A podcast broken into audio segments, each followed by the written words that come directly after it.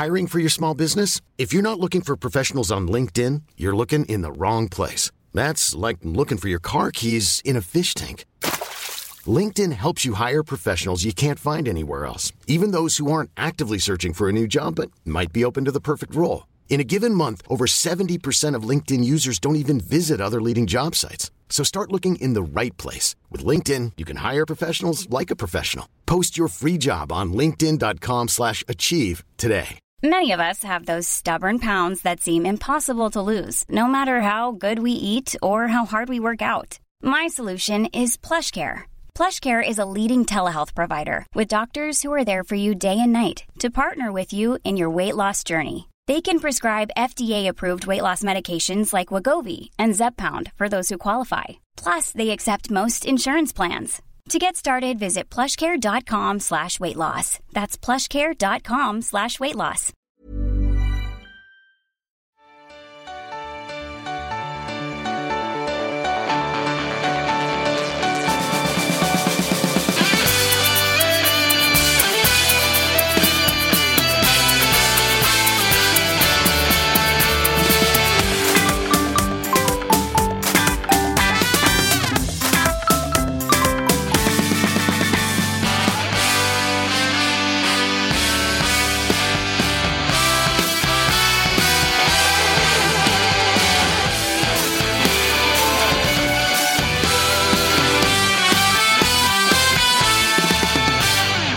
Då säger vi varmt välkomna till Tuttosvenska. Nej, jag skojar bara. Fan sitter du och garvar åt Alltså, den, dagen, den dagen du håller i spakarna, Josip Ladan. Ah, håll Då- truten med dig. Fan sitter du så jävla glad för? Han fi- oh, vinner mot Peking. Oh. Vilken jävla start. Eller? Vad fan är det som pågår med kameran? Den var väl tajt eller? Ja. Eh, välkomna till eh, Tuttosvenskan avsnitt eh, 68. Måndag efter en eh, jävla helg. Vi har eh, ett fullspäckat avsnitt får man verkligen säga. Eh, jag tror att det är det längsta körschemat jag har skrivit under vår 67, eh, 67 avsnitts långa historia. Så att, eh, det kan nog absolut bli 90 plus idag. Det räknar jag med. Mm. Alltså framförallt, det är ju, tilläggstiden ska ju bara bestå av diverse hån och påhopp och, och annat gött. Det är, det är därför vi är här. Aha. Inte, inte analys, utan hån. Verkligen så. Marcus Tapper ska vi säga välkommen till också. Hur, eh, hur är läget? Eh, det är bra. Eh, det, det är bra. bra med långt körschema med. Min dröm är ju att du långsiktigt ska lyckas peta Svanen. Ja. Just det. Svanen som eh, ja, inskolning eh, på förskolan. Ja, så att, eh, det är ju tuffa han håller på- grejer han håller på att göra. Officiell. Han håller framförallt på att skola in chatten här borta, ser jag. Det är jävla liv på Så honom. mycket för kanske, kanske sovstund då, helt enkelt. Vi ska faktiskt ringa upp Kristoffer Svanemar också, som jag vet är på obehagligt bra humör för er andra som inte har svartgula alltså det, det heter ju också inskolning just idag av en anledning och det är ju för att han är livrädd. Det är ju, det är ju onekligen tydligt. För att komma med den svansföringen i chatten och leka ball på internet, det brukar ju annars vara ett svartgult signum. Men eh, om vi... Spångberg är här idag, Mm. eh, Svanen så kallat i chatten. Ja, det blir, ja, jag- är på riktig krigsstig idag. Ja, Det jag känner verkligen det. Jag, jag fick en liksom, eh, sån slag i sidan direkt när du kom här. ja, ja, ja njuren direkt. Jag ska säga att eh, utanför här innan vi började så stod Josip och rökte och sa hade, eh, hade varit så jävla nice om Jocke var här också idag. Alltså, det, det är något med Josip idag. Jag vet inte vad det är, men jag är rädd för det. Jag har vaknat och jag har valt våldet. Ja, du skulle också möta upp mig och käka lunch innan. Det var, det var bara radiotystnad och du dök inte upp. Nej, men då kanske du kan titta i dina Instagram-meddelanden istället. Okej, sorry. sorry. Ja, just det, just Eh, hörni, nej, men, eh, fullspäckat eh, avsnitt. Vi ska ringa, ringa en hel del och vi ska, vi ska prata om de matcher som har varit eh, under helgen. Eh, och Vi ska börja prata lite grann om Malmö FF. Men eh, Kalle måste vi också fråga, hur, hur har din helg varit? Ja, kanon. Kanon. Ja. kanon. Det känns lite som att vi börjar komma tillbaka nu till, till liksom det ordinarie, riktiga Toto-svenska. Nu säger jag det när jag sitter här. Det Du ska har ju varit inte på semester tre veckor. jag vet, det kanske är mitt, mitt fel då. Då Men det, det är, liksom, det är Ja. nästan fulltaligt i studion Ja. och, det, och det, är sådär. Det, det känns väl bra för dig också? Det är otroligt skönt. Mycket, mycket fint tycker Ja. jag. Eh, nu ska vi se, nu ringer det då. Eh, vi ska börja med att ringa Mustafa Seidan som eh, fick majoriteten av matchen sitta bredvid och se sitt Malmö FF spela 1-1 i Josip Ladan-derbyt som vi kanske lite för ofta tjatar om. Ja, jag släppte nu för Ja. helvete. Ja. Men, men, men det var en match där Malmö ju var klart spelförande. Om du börjar lite Josip medan vi väntar på Ja, Mustafa. ja, spelförande. Det brukar, eller som, som det har sett ut på det senaste, håller i boll mycket och sen så händer det inte så jävla mycket efter fyra passningar inom laget. Eh, Men det kan väl eh, Musti berätta mer om, om hur han Ja, vi får, vi får försöka där om en Ja. stund igen. Han svarar inte, så att du får ta vid. Ja, jag ju. Mm. jag, jag lyssnade nu här för någon timme sedan på, på intervjun med Georgsson efter. Och han var ju ändå ganska nöjd, får man säga. Jag blev lite förvånad Ja, jag blev också. Just eh, över liksom, tongångarna i intervjun. Ja, ordvalet stolt Mm. eh, skavde lite faktiskt. Jag vet inte hur mycket det där var så, var, var så jävla stolt över. Framförallt inte när man tittar på de lägena som faktiskt kom från Malmöhåll. var ju egentligen i på var två snabba frisparkar egentligen i slutet där man hade chansen att avgöra. Och då var det när Mjällby inte står i uppställt försvar och där, när de väl lyckades med det, så var det liksom fyra passningar och eh, liksom kontringstendenser i Malmö FF som är vana vid att hålla i boll. Och eh, de liksom det, det bet aldrig riktigt. Alltså, Malmö hittade ingen lösning på Mjällbys höga press. På liksom den här frenetiska löpandet av framförallt då, eh, Gustafsson in i mittfältet där och Adam Ståhl som gjorde det jobbigt på ena kanten. för backlinjen där och det Dennis fick gå av efter 65 minuter med någon liten känning där. Och Fredrik Klitte som huvuddomare som hade minst sagt en jobbig eh, eftermiddag. Det var bedömningar och, och beslut och annat möjligt, allt möjligt annat. Det är en mening man känner igen. Att Klitte hade en jobbig eftermiddag. Ja, det var en jobbig eftermiddag. Det var väl inget, egentligen något av lagen som var särskilt, eh, särskilt nöjda med, eh, med den. Och Mjällby hade ju till och med ett superläge där i slutet. Han blåser av en, en kontring när Berget river ner Otto Rosengren. Vad var det för Ah, jag vet inte riktigt vad som hände. Så där hade väl Malmö jättetur egentligen. Men sen samtidigt två jättelägen av Veljko Birmancevic där dessförinnan. Där man ska avgöra matchen och punktera den fullständigt och inte lyckas med det. Så att, Vad, vad är grejen med Birmancevic? Alltså, men det nu måste vi ändå kunna någonstans börja, inte summera en säsong. Jag menar, den viktigaste tredjedelen är kvar. Mm. Men det är ju en helt annan spelare mot vad vi såg i fjol. Ja. Är det att man har för höga förvä- förväntningar på honom? Eller vad, vad, Han har väl nog de, inte? det är väl nog lite de förväntningarna han har på sig själv också. Inte väl riktigt hittat rätt. Jag tror att det, där, att det påverkade mer än vad han tror och alla andra tror att han blev av med både Anel och Antonio Colak i, inom loppet av väldigt kort tid. För att de var ju liksom hans trygghet liksom på och utanför planen. ni, jugg- ni juggar måste börja kunna umgås med andra Ja, men det människor också. man, man tänker alltså det, det är ändå en flytt till, till ett annat land och en annan kultur och hela den biten. Det får man ju ha med sig lite grann. Men också att han, att han satte ribban för sig själv ganska högt också. Då blir det att när det inte klaffar riktigt så kanske man börjar övertänka och fundera lite för mycket. Vi blixtrade till där med Sivaspor och han gjorde det väldigt bra och för en gångs skull faktiskt spelade med resten av laget. Och Det fanns lite tendenser till det även i, i Mjällby-matchen där. Kom inte riktigt fullt ut, men det det är på rätt väg i alla fall. Sen att det ska behöva ta 19 omgångar i allsvenskan och tre kvalrundor i Europa innan man kan få ut det man vill och, och vet att Birmancevic har i sig. Det, är- det är väl nog en fråga som, som ledningen och han själv ska alltså, svara på varför det har tagit så lång tid. Eh, min bild av Birmancevic är att det är ganska delat i Malmöleden. Liksom. Alltså, mycket av de Malmösporter man följer ser man liksom Eh, att ena halvan är så här, fan kass han är, han måste skärpa sig. Medan andra halvan pratar om att så här, ja, han har jättehög eh, hög eh, XG och hög XA och gör ändå ganska mycket poäng per 90. Och så här. Men har, har, delar du samma bild att det ändå är ganska liksom splittrat i hur man ser på honom? För jag tycker, jag tycker också man läser det mycket, mycket MFF-supportrar som vill påtala att han gör det ändå ganska mycket bättre än ni andra säger. Liksom. Ja, alltså hans stats talar för sig själva, men samtidigt, det, jag tror att den gemensamma nämnaren, oavsett vilken ingång man har i Birmancevic, liksom, tolkningen är ju det är frustration. Det är liksom att um, vissa väljer att se det liksom som att glaset är halvfullt och att det finns mer och det kommer komma och det är lugnt. Medan den andra halvan bara är, är trött på att det, det händer så väldigt lite. Att han kan, framförallt att han försvinner i så väldigt långa perioder i matcher och att liksom tar emot någon boll och tappar ut den och vet inte riktigt i duell och, och liksom sådana saker, sådana små grejer. Men jag vet inte riktigt. Det, det, det är ju också lite signifikativt för resten av laget och hur det har sett ut. Att det är liksom tre matcher där det ser bra ut och man får upp förhoppningarna. Typ 2-0 mot Peking där Zidanes debut och man tänkte att okej, nu, nu vänder det. Och sen så, så gräver man ner sig fullständigt och sen kommer Sivaspor hemma där det plötsligt ser liksom superkontrollerat ut och ett jättefall framåt. Och till saken hör ju också att det är ett fall, om man bara tittar grundmässigt i, i MFF, liksom spelet och den nu ska jag säga, kollektiva tryggheten så är det också ett fall framåt i Mjällby. Mjällby-matchen, det är Strandvallen borta. Det är, det är inte det lättaste och det vet alla.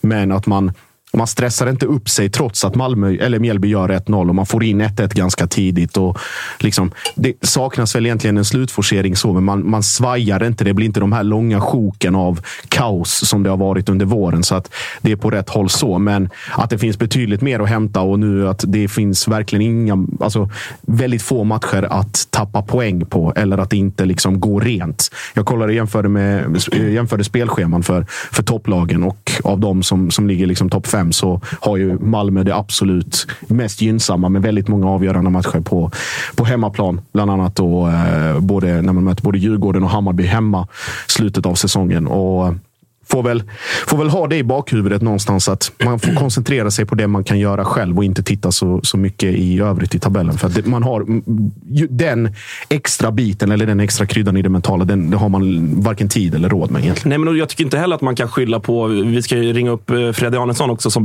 befinner sig på Cypern och prata lite Djurgården. Och de, det var en verkligen kraftig rotation som de ställde upp med mot Varberg. Mm. Där kan man ändå skylla lite på det. Att vi roterade jättemycket. Vi har säsongens viktigaste match eh, de spelar väl imorgon redan, va? Djurgården tror jag. Ja. Mm. Det kan ju inte man riktigt göra i Malmöläger. Med det sagt, så, så här, Mjällby borta, en pinne. Det är ingenting att skämmas för. Det är ett bra Mjällby. Ett jävligt bra Mjällby. Mm. Men var du förvånad över att det var ändå en så pass stark elva 3-1 hemma mot Sivaspor, väntar retur på torsdag. Mm. Eh, det, var, det var liksom ingen konstigheter att det var... Det var väl egentligen Kistelin och, eh, ja, och Zeidan som, ja. som vilade, som man, som man ser som klara ordinarie. Precis. Nej, och det, det hör ju lite ihop med de sportsliga prestationerna. Att man har försökt att rotera in och det har inte funkat riktigt. Och det är väl några, alltså av, säg att man byter in fem så är det kanske två som har sin dag den dagen. Och jag tyckte Peña, Peña var direkt usel igår och tappar alldeles för mycket bollar som mest loj och, och slö ut och kommer inte alls till sin rätt som, som han brukar göra. Och en, en, med tanke på läget som Malmö befinner sig i så har man liksom inte råd med de här dipparna alltså av startspelarna heller, utan det måste vara konsekvent hög nivå över 90 minuter för att kunna få med sig ett resultat. Och det är alltså Mjällby borta. Djurgården har ju tur där. Vi kommer komma in på det, men mm. med Findells karatespark där och att det inte är rött. Och hade det varit rött där så hade nog matchen slutat kanske till och med 3-0 eller 3-1 till Varberg. Så, men det är som, som säger, man säger, lag i, i, i flow och lag i medvind få med sig saker ganska enkelt också. Fan vad du sitter och... Ja, chatten är jävla nivå alltså. Är det så? Ja, du får mycket skit idag, August. Helt of oförtjänt faktiskt. Va, vad ja. sägs då? Uh, det var något att du har lämnat din fake Ralph Lauren hemma. Ja, är, det han, är det han Laban, eller? ja, det är Laban. Alltså, sånt, sämst i chatten. Laban Labansson. sämst i chatten igen. Uh, men det, jag gillar ändå när du sitter och fnittrar. Det är roligt. Ja, jag vet att Tapper var på dig senast också om det. Att det man uppskattar ändå det. För den. Tapper får också mycket skit. Chatten är igång också, precis som mm. du Josip. Jajamän. Uh, men om vi ska ta det andra laget som du också har väldigt bra koll på. Mjällby, mm. vad, vad, vad kan du säga om dem? Nej, de fortsätter fortsätter på det, det goda inslagna spåret. Och de hade ju, jag tror det var, eller det var väl lite oplanerat att, eh, att hur de skulle rotera i backlinjen där. Det var ju Eile som plötsligt fick en känning där och var tvungen att bytas ut. Men den, den trebackslinjen som de har, den är ju väldigt stark. Och där också med Jetmir Haliti som fasas in ännu, alltså än mer och kommer in i bättre form. Och att, kanske att man var lite taktisk, att man inte lät Haliti springa iväg på sina offensiva utflykter. Att han kan driva boll framåt och, och bryta igenom lagdelar helt på egen hand. Så var väl en, en avvägning där. Och, men i övrigt, det är en typisk Mjällby-insats på hemmaplan. Hårt jobb, svinigt, fult. Sätta press på domaren, få, dom, eller få motståndarna ur balans och jobba utifrån de resurser och förutsättningar man har. Så det, det, är en, det är en bra prestation. De fortsätter. Det finns liksom inte någon jag ska säga att det kommer ner i någon svacka eller att det är jobbigt för dem. Utan de är konsekvent på en bra nivå i 90 minuter över flera, flera omgångar. Så de, de har hittat sitt sätt och de jobbar väldigt bra på det. Eh, en grej jag tänkte på i slutet av den här matchen, som jag tänkt på med ganska många Malmö-matcher i år, är att eh, jag är lite förvånad över att det inte kommer bättre forceringar från Malmö när de behövs. Med tanke på den bredden och bänken som vi alla pratar om hela tiden. Att de har liksom gubbe sex på bänken är, skulle gå in i alla andra allsvenska lag och sådär. Alltså, hur kan det inte komma bättre forceringar när det krävs, som nu när det står 1 mot Mjällby eh, från Malmö? Liksom? Ja, det är en bra fråga. Jag tror... Jag ringer sig namn här. Nu ringer Ja, Mustafa vi, vi, vi frågar Musti istället. Ja, du kan få börja med den frågan. Vi säger eh, välkommen till Toto-svenska, Mustafa Zeidan. Eh, Josip Ladan, Malmö-supporten, vill börja med en fråga här om eh, gårdagens match. Eller jag tar egentligen vidare, Musti, vad, vad Tapper sa här precis. Att varför kommer det inte någon bättre slutforcering sista 10-15 i liksom de senaste matcherna när det står kryss eller att man jagar i alla fall en kvittering? Ja du. Eh, Satt på pottkanten direkt. Det var inte meningen. det, det, är inget, det är inget jag har tänkt på faktiskt. Eh, utan, eh, jag vet inte, vi kanske inte har varit eh, eh, så bra där. Men eh, det är inget jag har faktiskt gått runt och tänkt på. Tror du det kan ha att göra med, jag hann inte svara på frågan själv, men jag hade en tolkning av att just mot Mjällby, att det blir farligt när de har sina, sina inbytta spelare. Jag tänker fram, framförallt Silas som byttes in sista halvtimmen, att det kan bli en utmaning för backlinjen att, att sticka iväg på kontring. Nu har ni ju tur där i slutet att, att det, han blåser av där och att de inte går två mot en efter att berget river ner honom där i mitten. Jo, men samtidigt tycker jag att de har tur att vi missar eh, två solklara lägen Exakt. som vi borde göra mål på. Så ja, det, det är en tuff bortamatch. Mycket tuffare än vad folk tror. Bara för att det, det är Mjällby så tror kanske folk att det är en lätt match. Men eh, Mjällby borta är- kan vara en av de tuffare bortamatcherna man kan spela. Om du kollar på alla topplag som åker dit. Det, det är inte många som eh, går dit och liksom tar en 3-0-seger direkt. Du var ju själv med när du, när du var, fortfarande var kvar i Sirius i våras och, och fick erfara det 3-0 mot Mjällby. Kan du utveckla lite? Vad är, det, vad är det som gör att det är så svårt att spela mot dem? Nej, men eh, det, det är ett starkt hemmalag. Eh, liksom, eh, det, planen är lite mindre, eh, mindre arena än vad man är van vid. Eh, sen samtidigt det är en bra gräsmatta nu under sommaren. Det är inget att klaga på den. Men eh, de, de är starka på hemmaplan. Eh, de har en bra tränare. i. Eh, så för mig det, det finns många orsaker till det. Men eh, ibland får man respektera att vissa lag är bättre på hemmaplan än eh, vad de är på bortaplan. För egen del då, du har ju verkligen sedan du anslöt till MFF eh, kastats in i hetluften direkt och det känns som att eh, utifrån sett i alla fall känns det som att när Gerson ska plocka ut den bästa elvan man har att, eh, att basa över så är du ett av de första namnen som plitas ut. Nu fick du se nästan hela matchen från bänken. Hur är det så att säga? När det, man vill ju alltid spela och vara med och påverka, särskilt när, när ens lag eh, ligger under eller har ett oavgjort och går för en seger. Kontra att ni också har en ännu viktigare match kanske som stundar här i veckan i, i Europa-playoffet. Eh, förstår du frågan? Är det, är det frustrerande att sitta på sidan eller förstår du att eh, du måste också ha fräscha ben i veckan? Såklart som fotbollsspelare vill man spela varje minut eh, man kan.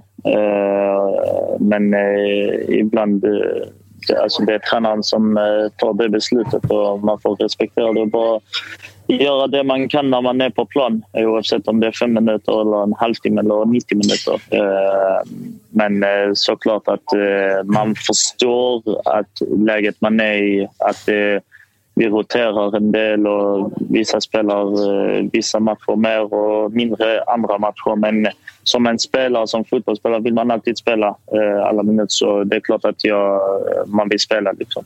Hur frustrerande är det då, poängtappet? Vi, Josip var inne på det lite grann med tanke på att Djurgården spelade lördagen. Ni hade det resultatet med er i ryggen. att Shit, nu tappade de poäng här. Nu, nu finns det läge att ta in. Jo, men det är klart. Eh, som sagt, eh, det, det är hela laget som känner det. Eh, eh, vi får bara försöka ta eh, nästa match, men eh, 110 procent att det, det är frustrerande. Det kan man inte säga något emot. Eh, om vi, vi kollar lite mot Sivasspor och 3 med, från hemmamötet. Eh, vad, det, känslan är ju att det, det kommer bli någonting helt annat där. Man pratar ju ofta om turkiska lag borta, den här kokande skitten. Känns som en liten myt i och för sig, men, men vad, vad, vad tänker du inför, inför bortamatchen?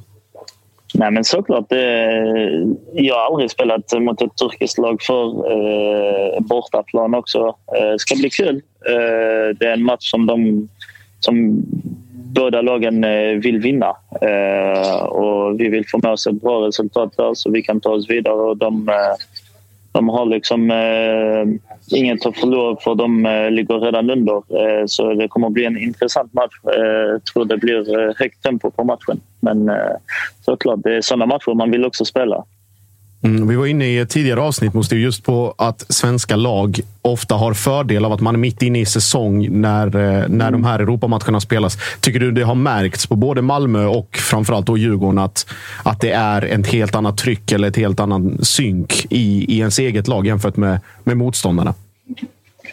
Ja, helt ärligt så har jag inte känt av det på det sättet. Eh, dock känner jag att eh, vårt lag är redo. Liksom. Vi, vi är redo för att eh, spela de matcherna. Eh, som sagt kan bero på att vi har varit eh, under säsong. Eh, vet inte hur, hur deras upplägg har sett ut men eh, vi är i alla fall förberedda för det. Eh, men eh, som sagt, det, det är ju också en, eh, ett stort lag. De har kvalitetsspelare också. Så det är inte så att man har trott att det kommer att vara lätt heller.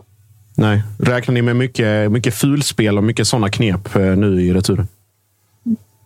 Ja, men det, det, är ju så. Alla, de, de gör ju allt för att vinna.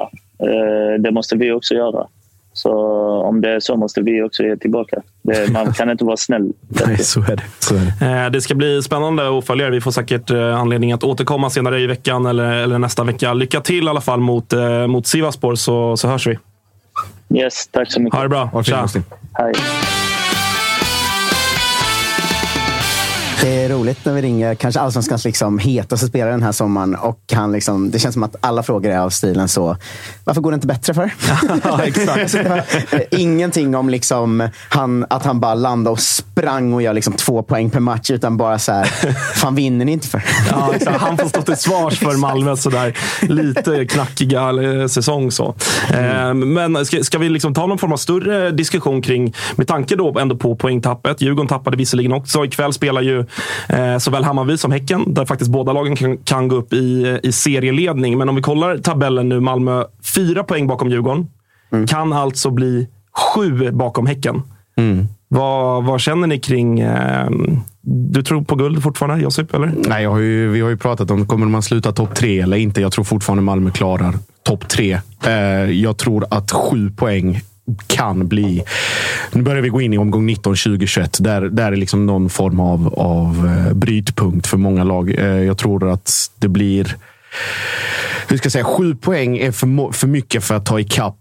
Oavsett om det är Bayern eller Häcken, tror jag. Eh, sju poäng är för mycket att ta ikapp på de omgångarna med tanke på just vad som väntar parallellt. Att det blir, eh, att det blir i alla fall Europaspel. Alltså Europaspel blir det ju för Malmö. Det blir väl helt galet schema i år också jämfört med förut. I och med att på grund av VM är väl hela gruppspelet komprimerat så det ska vara klart innan oktober är slut. Annars brukar det ja, hålla på till december. Liksom. Ja, precis. Och sen då, eh, men då ska ju den här rotationen ha gett effekt. Då ska den här truppbredden, eller det man har värvat in då, Ceesay och Turay och allt vad man har köpt in liksom som ska ge effekt i de här eh, långa loppen. Och nu pratar om spelschemat innan. Jag tror att man, Malmö har någon form av grundtrygghet att falla tillbaka på. Att man vet att man har Hammarby hemma, man har Djurgården hemma och man har Häcken på bortaplan visserligen, men att det fortfarande är en match som man, där man har relativt positiv statistik ifrån just att åka till Göteborg. Och det kommer väl, jag tror det är Djurgården i omgång 27 och Häcken i omgång 28 eller någonting sånt. Och när det verkligen står på sin spets så tror jag att de här de kommer plocka fram Europamentaliteten och mm. fatta att nu finns det liksom inga, inga utvägar kvar, utan det är bara att köra, köra all in. Så att det, det tror jag är en viktig faktor för. Vi får se. Vi ska, vi ska stanna kvar i, i Skåne en liten stund till. Vi har med oss en nyfriserad, för er som inte tittar utan bara, bara lyssnar på oss i efterhand, Olof Möller. Som jag gissar är kanske gladast av, eh, av alla idag. Ja, det tror jag. Eh, segerfrisyren fick eh, svidas om till idag. Det är inte ofta om jag klipper mig varje gång som HF vinner så blir det väl typ så här två, tre gånger per, eh, per säsong. Så det är väl ganska rimligt. Eh, du, det, var, det var en hyfsat viktig seger. Vad, vad, vad säger du om matchen i stort? Eh, att HF gör väl ingen dunderprestation. Det gör inte Sundsvall heller. Och HF nu på fyra matcher har tagit sju poäng varav fyra, senaste fyra varav sex är mot Sundsvall. Och jag tycker väl att det är det är det man har saknat tidigare. Vi har varit inne lite på det när jag varit med tidigare. Att så här, man har haft svårt att vinna mot bottenlagen. Vi har ju förlorat både mot Värnamo och mot eh, Degerfors. Men nu har vi tagit sex poäng av sex möjliga mot Sundsvall och det känns ju rent ut sagt eh, för jävla bra. Eh, uppe på kvalplatsen. Och, ja, nej, det känns väldigt bra. Jag som trodde du skulle vara helt harmonisk, men du är helt så här, fortfarande. Nej, det är Sundsvall. Fan vad gött. Och, det är, nej, och sen fortfarande, ja, ja, hitta alltid någonting, någonting deppigt. Å andra sidan, du är ju därifrån du kommer. Så att det Ja, ja det är, man, man blir som man, man växer upp. så jävla deppigt. Men du, du eh, de där som du, som du är inne på, 6 av 6 mot Sundsvall på, på mindre än en månad. För att vara seriös, då, det kan ju verkligen visa sig vara avgörande. Ja, eh, alltså hade det varit eh, torsk här eh, gånger två då, hade, då tror jag inte vi hade klarat det. Eh, och med det sagt så säger jag väl indirekt att jag inte tror att Sundsvall klarar det här. Eh, jag, jag, det är ju det är kvalplatsen vi har siktat in oss på eh, med tanke på ändå ett gap upp på fem och sex poäng upp till Värnamo, och Varberg och Norrköping och så. Eh, så, att, eh, så att kvalplatsen är ju den vi ska ta och där är vi nu. Så det gäller ju bara att fortsätta. Jag tycker eh, transferfönstret ser ser bra ut av, av, av Granqvist. Om man, han ska ha kritik för hur, han, hur, hur truppbygget såg ut inför säsongen uppenbarligen. Men sommarfönstret tycker jag han har gjort. Eh, han har rensat ut och han har tagit in vad jag känner är, eh, är kvalitet och klass. Ja, men just transferfönstret här. Hur, tror, hur viktigt tror du det var för laget att få med sig någonting positivt efter hela den här van den Hurk-gate eh, som har varit de senaste veckorna? Alltså jag tror det var väldigt, väldigt viktigt. Framförallt så eh, Kabashi, nu kan man ju diskutera, han spelar ju höger ute, men att få igång honom. Han gör 1 plus 1 igår eh, och är ju otroligt kylig där när han gör 2-0. Eh, Abbe Khalili spelar ju väldigt, väldigt bra fotboll eh, och är ju väldigt avgörande i liksom... Ja, Matte och Alvaro har ju pratat om hur duktig han är liksom som ledare och hur bra han är, men igår är han ju också en av planens absolut bästa spelare och spelar ju med en lugn och en trygghet och en erfarenhet som, som kan bli, jag tror, kan bli tungan på vågen här eh, kontra Degerfors och, och, och Sundsvall. Ja, men verkligen. Jag- delar den bilden du har av, av ert fönster om man jämför med... Ja, Degerfors har väl visserligen agerat, eh, agerat en del också, men, men jämförelsevis med Sundsvall. Jag menar, nu kan ni byta in Taha Ali i för, efter liksom första halvlek och, och alla vet ju vad, vad han ändå kan göra på en bra dag. Det är lite skillnad mot, eh, mot hur det såg ut i våras. Exakt, och han kommer ju in och är ju tillsammans med Abbe och kanske Kabashi då eh, planens tre bästa spelare. Han gör ju assist. Det som jag har haft, eh, det som jag tyckt med Tarali är att jag tycker han är väldigt, väldigt duktig men han har ju väldigt svårt eh, att värdera lägena. Har man ju fått känslan att han släpper bollen när han inte ska släppa den och skjuter när han ska skjuta. Men igår gör han ju det perfekt. Han släpper den till Kabashi. Det är en väldigt fin assist och sen så är ju Kabashi väldigt, väldigt kylig. Eh, och han har ju kommit igång fint. Samtidigt så ser vi på högerbacksplatsen efter ja, försäljningen av Suckar och få in Reinholdt som är från danska gradering i, i liksom på högerbacksplatsen. Så att än så länge känner jag mig liksom är väldigt eh, trygg i de värvningarna som vi har gjort och jag tror att de kan bli väldigt avgörande för om vi spelar i allsvenskan nästa år eller inte. Eh, Kjolof, eh, jag, Ja. jag tänker... eh, Du säger ju att du liksom, eh, max eh, tror på att det är kvalplatsen det handlar om och sådär. Men du kollar ändå inte upp, för det är bara, ni har torskat bara två av de senaste sju, liksom, samtidigt som de riktiga pissgängen, alltså Varberg och IFK Norrköping där framför, eh, vinner ju aldrig. Eh, du, du vågar ändå inte titta mot liksom, plats, plats 13 istället? Nej, alltså med tanke på den säsongen vi har bakom oss så var det lite naivt. Det är väl en enda anledning till att jag blickar uppåt mot... Eh, och det är väl för att du på allvar ska känna den här skräck, skräcken över att ta 30 poäng som bara varit ett skämt från början. Så om det hade varit lite skräck på riktigt för dig så hade det väl varit trevligt. Men jag tror ändå att eh, Varberg är hemmastarka. Jag tycker ändå Värnamo gör det bra. Och jag tror väl på allvar inte att eh, ni i Peking kommer ha någonting med den här bottenstriden att göra i slutändan. Eh, och sen handlar det väl också om så här, ja, det här igår var det första, var andra gången vi gjorde två mål eller fler liksom, på den här säsongen. Så att jag känner väl att så här, jag är väldigt, väldigt, väldigt glad över de här senaste resultaten och det känns väldigt bra med liksom slå Sundsvall gånger två. Men samtidigt handlar det väl om att ja, med tanke på den säsongen vi har bakom oss så eh, en vanlig säsong så hade vi varit tok ute tror jag redan nu. Nu har vi ju hjälp av att Degerfors och Sundsvall har varit lika usla som oss. Så att det är väl, handlar väl snarare om en självbevarelsedrift att inte blicka uppåt. Eh, Även eh, Benjamin Aquas eh, 1-0 mål är ju en, en riktig pärla. Och det är ju, alltså, på riktigt en spelare som jag, jag tycker att han, han har någonting. Han är visserligen extremt oslipad, men han har en fart, han har ett driv, driv med bollen ändå som han i, i perioder får fram. Min känsla är att skulle ni nu åka ur, säger vi, så är ju det en spelare jag har svårt att se följa med Helsingborg ner i Superettan. Delar du den bilden eller vad, vad säger du, Makwa? Ja, alltså jag, jag håller helt med dig. Jag tycker det finns eh, väldigt fina grundegenskaper där.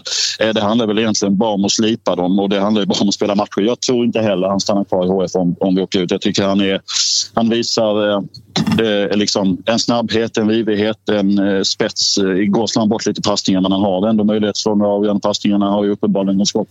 Eh, han har liksom många uspar på något sätt känns det som. Eh, får han liksom bara till det och höjer sig en nivå till här nu så framåt och liksom tar nya kliv så tror jag absolut att han kan bli såld. Jag tror förhoppningsvis att eh, vi har ju, jag tror vi har eh, lån med eh, med, eller nej, han är klar. Nej, jag tänkte på Förlåt, sorry. Eh, och nej, så att det känns ju, det känns ju liksom som en möjlighet till en försäljning också om inte annat. För jag tycker han har verkligen fina egenskaper. Mm. Du, Mjällby hemma och sen Värnamo borta kommande två. Fan, klart du kan kolla uppåt lite, eller? Ja, alltså ja, det blir väl torsk bara för det. Men, men, eh, men nej, jag tycker att, och det var ju det vi, jag var inför, det var väl inför eh, Sundsvallsmatchen så var jag ju med och vi pratade om de här kommande matcherna där vi, ja, vi räknade ju bort Häcken och det gjorde ju uppenbarligen rätt i. Eh, men, men eh, det var ju, det är Sundsvall gånger två, det är Värnamo, det är Mjällby och det är Sirius. Så, så, att det är ju liksom poäng, lag vi ska kunna ta poäng mot. Så att det, just nu känns det väl hoppfullt. Mjällby hemma och sen Värnamo borta. Men Värnamo borta är ju inte någon superenkel match men men ja, det känns, eh, det känns ändå hoppfullt här inför eh, jag tycker vi har börjat få spinn på saker. Sen är ju anfallsspelet är lite trubbigt. Så mm. Rasmus Widesen Paul eller Mushin, den nya anfallare, får jättegärna göra mål. Så att, eh, ja, jag skrev det igår på Twitter och undrade om någon av våra anfallare kan göra mål. Men, men, så att det är ju, defensiven börjar se bättre och bättre ut och nu gäller det att anfallarna börjar göra mål. Det är liksom lite nä, nära, nästan, nästan vägen hela tiden. Eh, igår är ju har emot sin och Nick som räddas med typ fingernaglarna av eh, Sundsvalls målvakt från att gå in. Så att det är ju lite trist. Men samtidigt, ja. Så att får vi igång det så tror jag att det kan bli otroligt trevligt där, den här hösten. Eh, jag har ju börjat eh, gilla Kasper Videll väldigt mycket som är ung och egen och sådär. Det finns ingen längre fram i planen som också kommer från, från yngre håll som du har koll på sådär som man kan, man kan chansa på? Eh, alltså, ja, jag håller med dig för det första om Kasper Dudell. Han är väldigt fin och har ju visat ledaregenskaper. Eh, framåt i planen där det finns ju anfallaren som är Aminan Havari som är liksom väldigt, eh, väldigt duktig. Eh, ej att misstas för Alin Al-Hamdawi som någon kommentator i Jönköpings Södra trodde var brorsor fast de har olika efternamn. Eh, men men eh, nej, han är ju han är, ju, han är någonting tror jag att hålla ögonen på. Han har, vi har samarbetsavtal med Torn där och han, är, han spottar in mål där. Gjorde senast mål mot Gais. Eh, bara det till exempel. Så att, eh, det är en sån spelare som jag tycker att man ska hålla lite koll på. Mm. Eh, kan vi, få, eh, kan vi få ett löfte redan här och nu att om det blir eh, mål för HIF mot Mjällby, att vi får en live Olof Möller-cam med under liksom måljingel. Kan vi, kan vi, kan vi få ett löfte på det? Det kan jag lova. Det kan jag lova. Oh, jösses. Fan vad trevligt! Vilket jävla supercontent. och sen kommer, sen kommer världens bästa ramsa. Hej!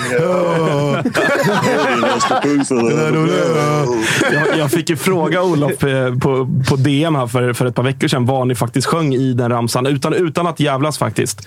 För den är otrolig. Ja, det brukar låta så utan att jävlas.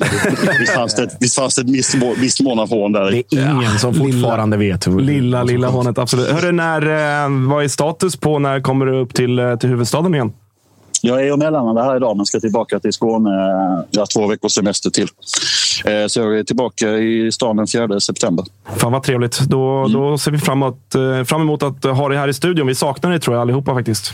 Ja, men detsamma. Förhoppningsvis har, vi, eh, har HF sex poäng mer då när jag mm. kommer tillbaka. Och så kommer jag vara ännu vidare. Och sen är det, och sen är det Skånederby den 12. Mm. Mm. Det ska bli... Oj! tack, för, tack för det, Olof Möller! Ha ha ha ha! Oh, mer sånt. Tack för det, Helvete vad bra. Olof. Lite snabb på knappen där, får man ändå säga. Tack så mycket. Men fan vad inkonsekvent han är. Så säga att det är liksom, oh. Han kollar inte alls uppåt, men förhoppningsvis har de sex poäng till om två matcher. Alltså, alltså det, men det är ett roligt läge att klicka honom när han första gången säger något positivt. Alltså, det var för hans egen skull. När han väl, jag, jag märkte att han började sväva iväg. Det är inte bra.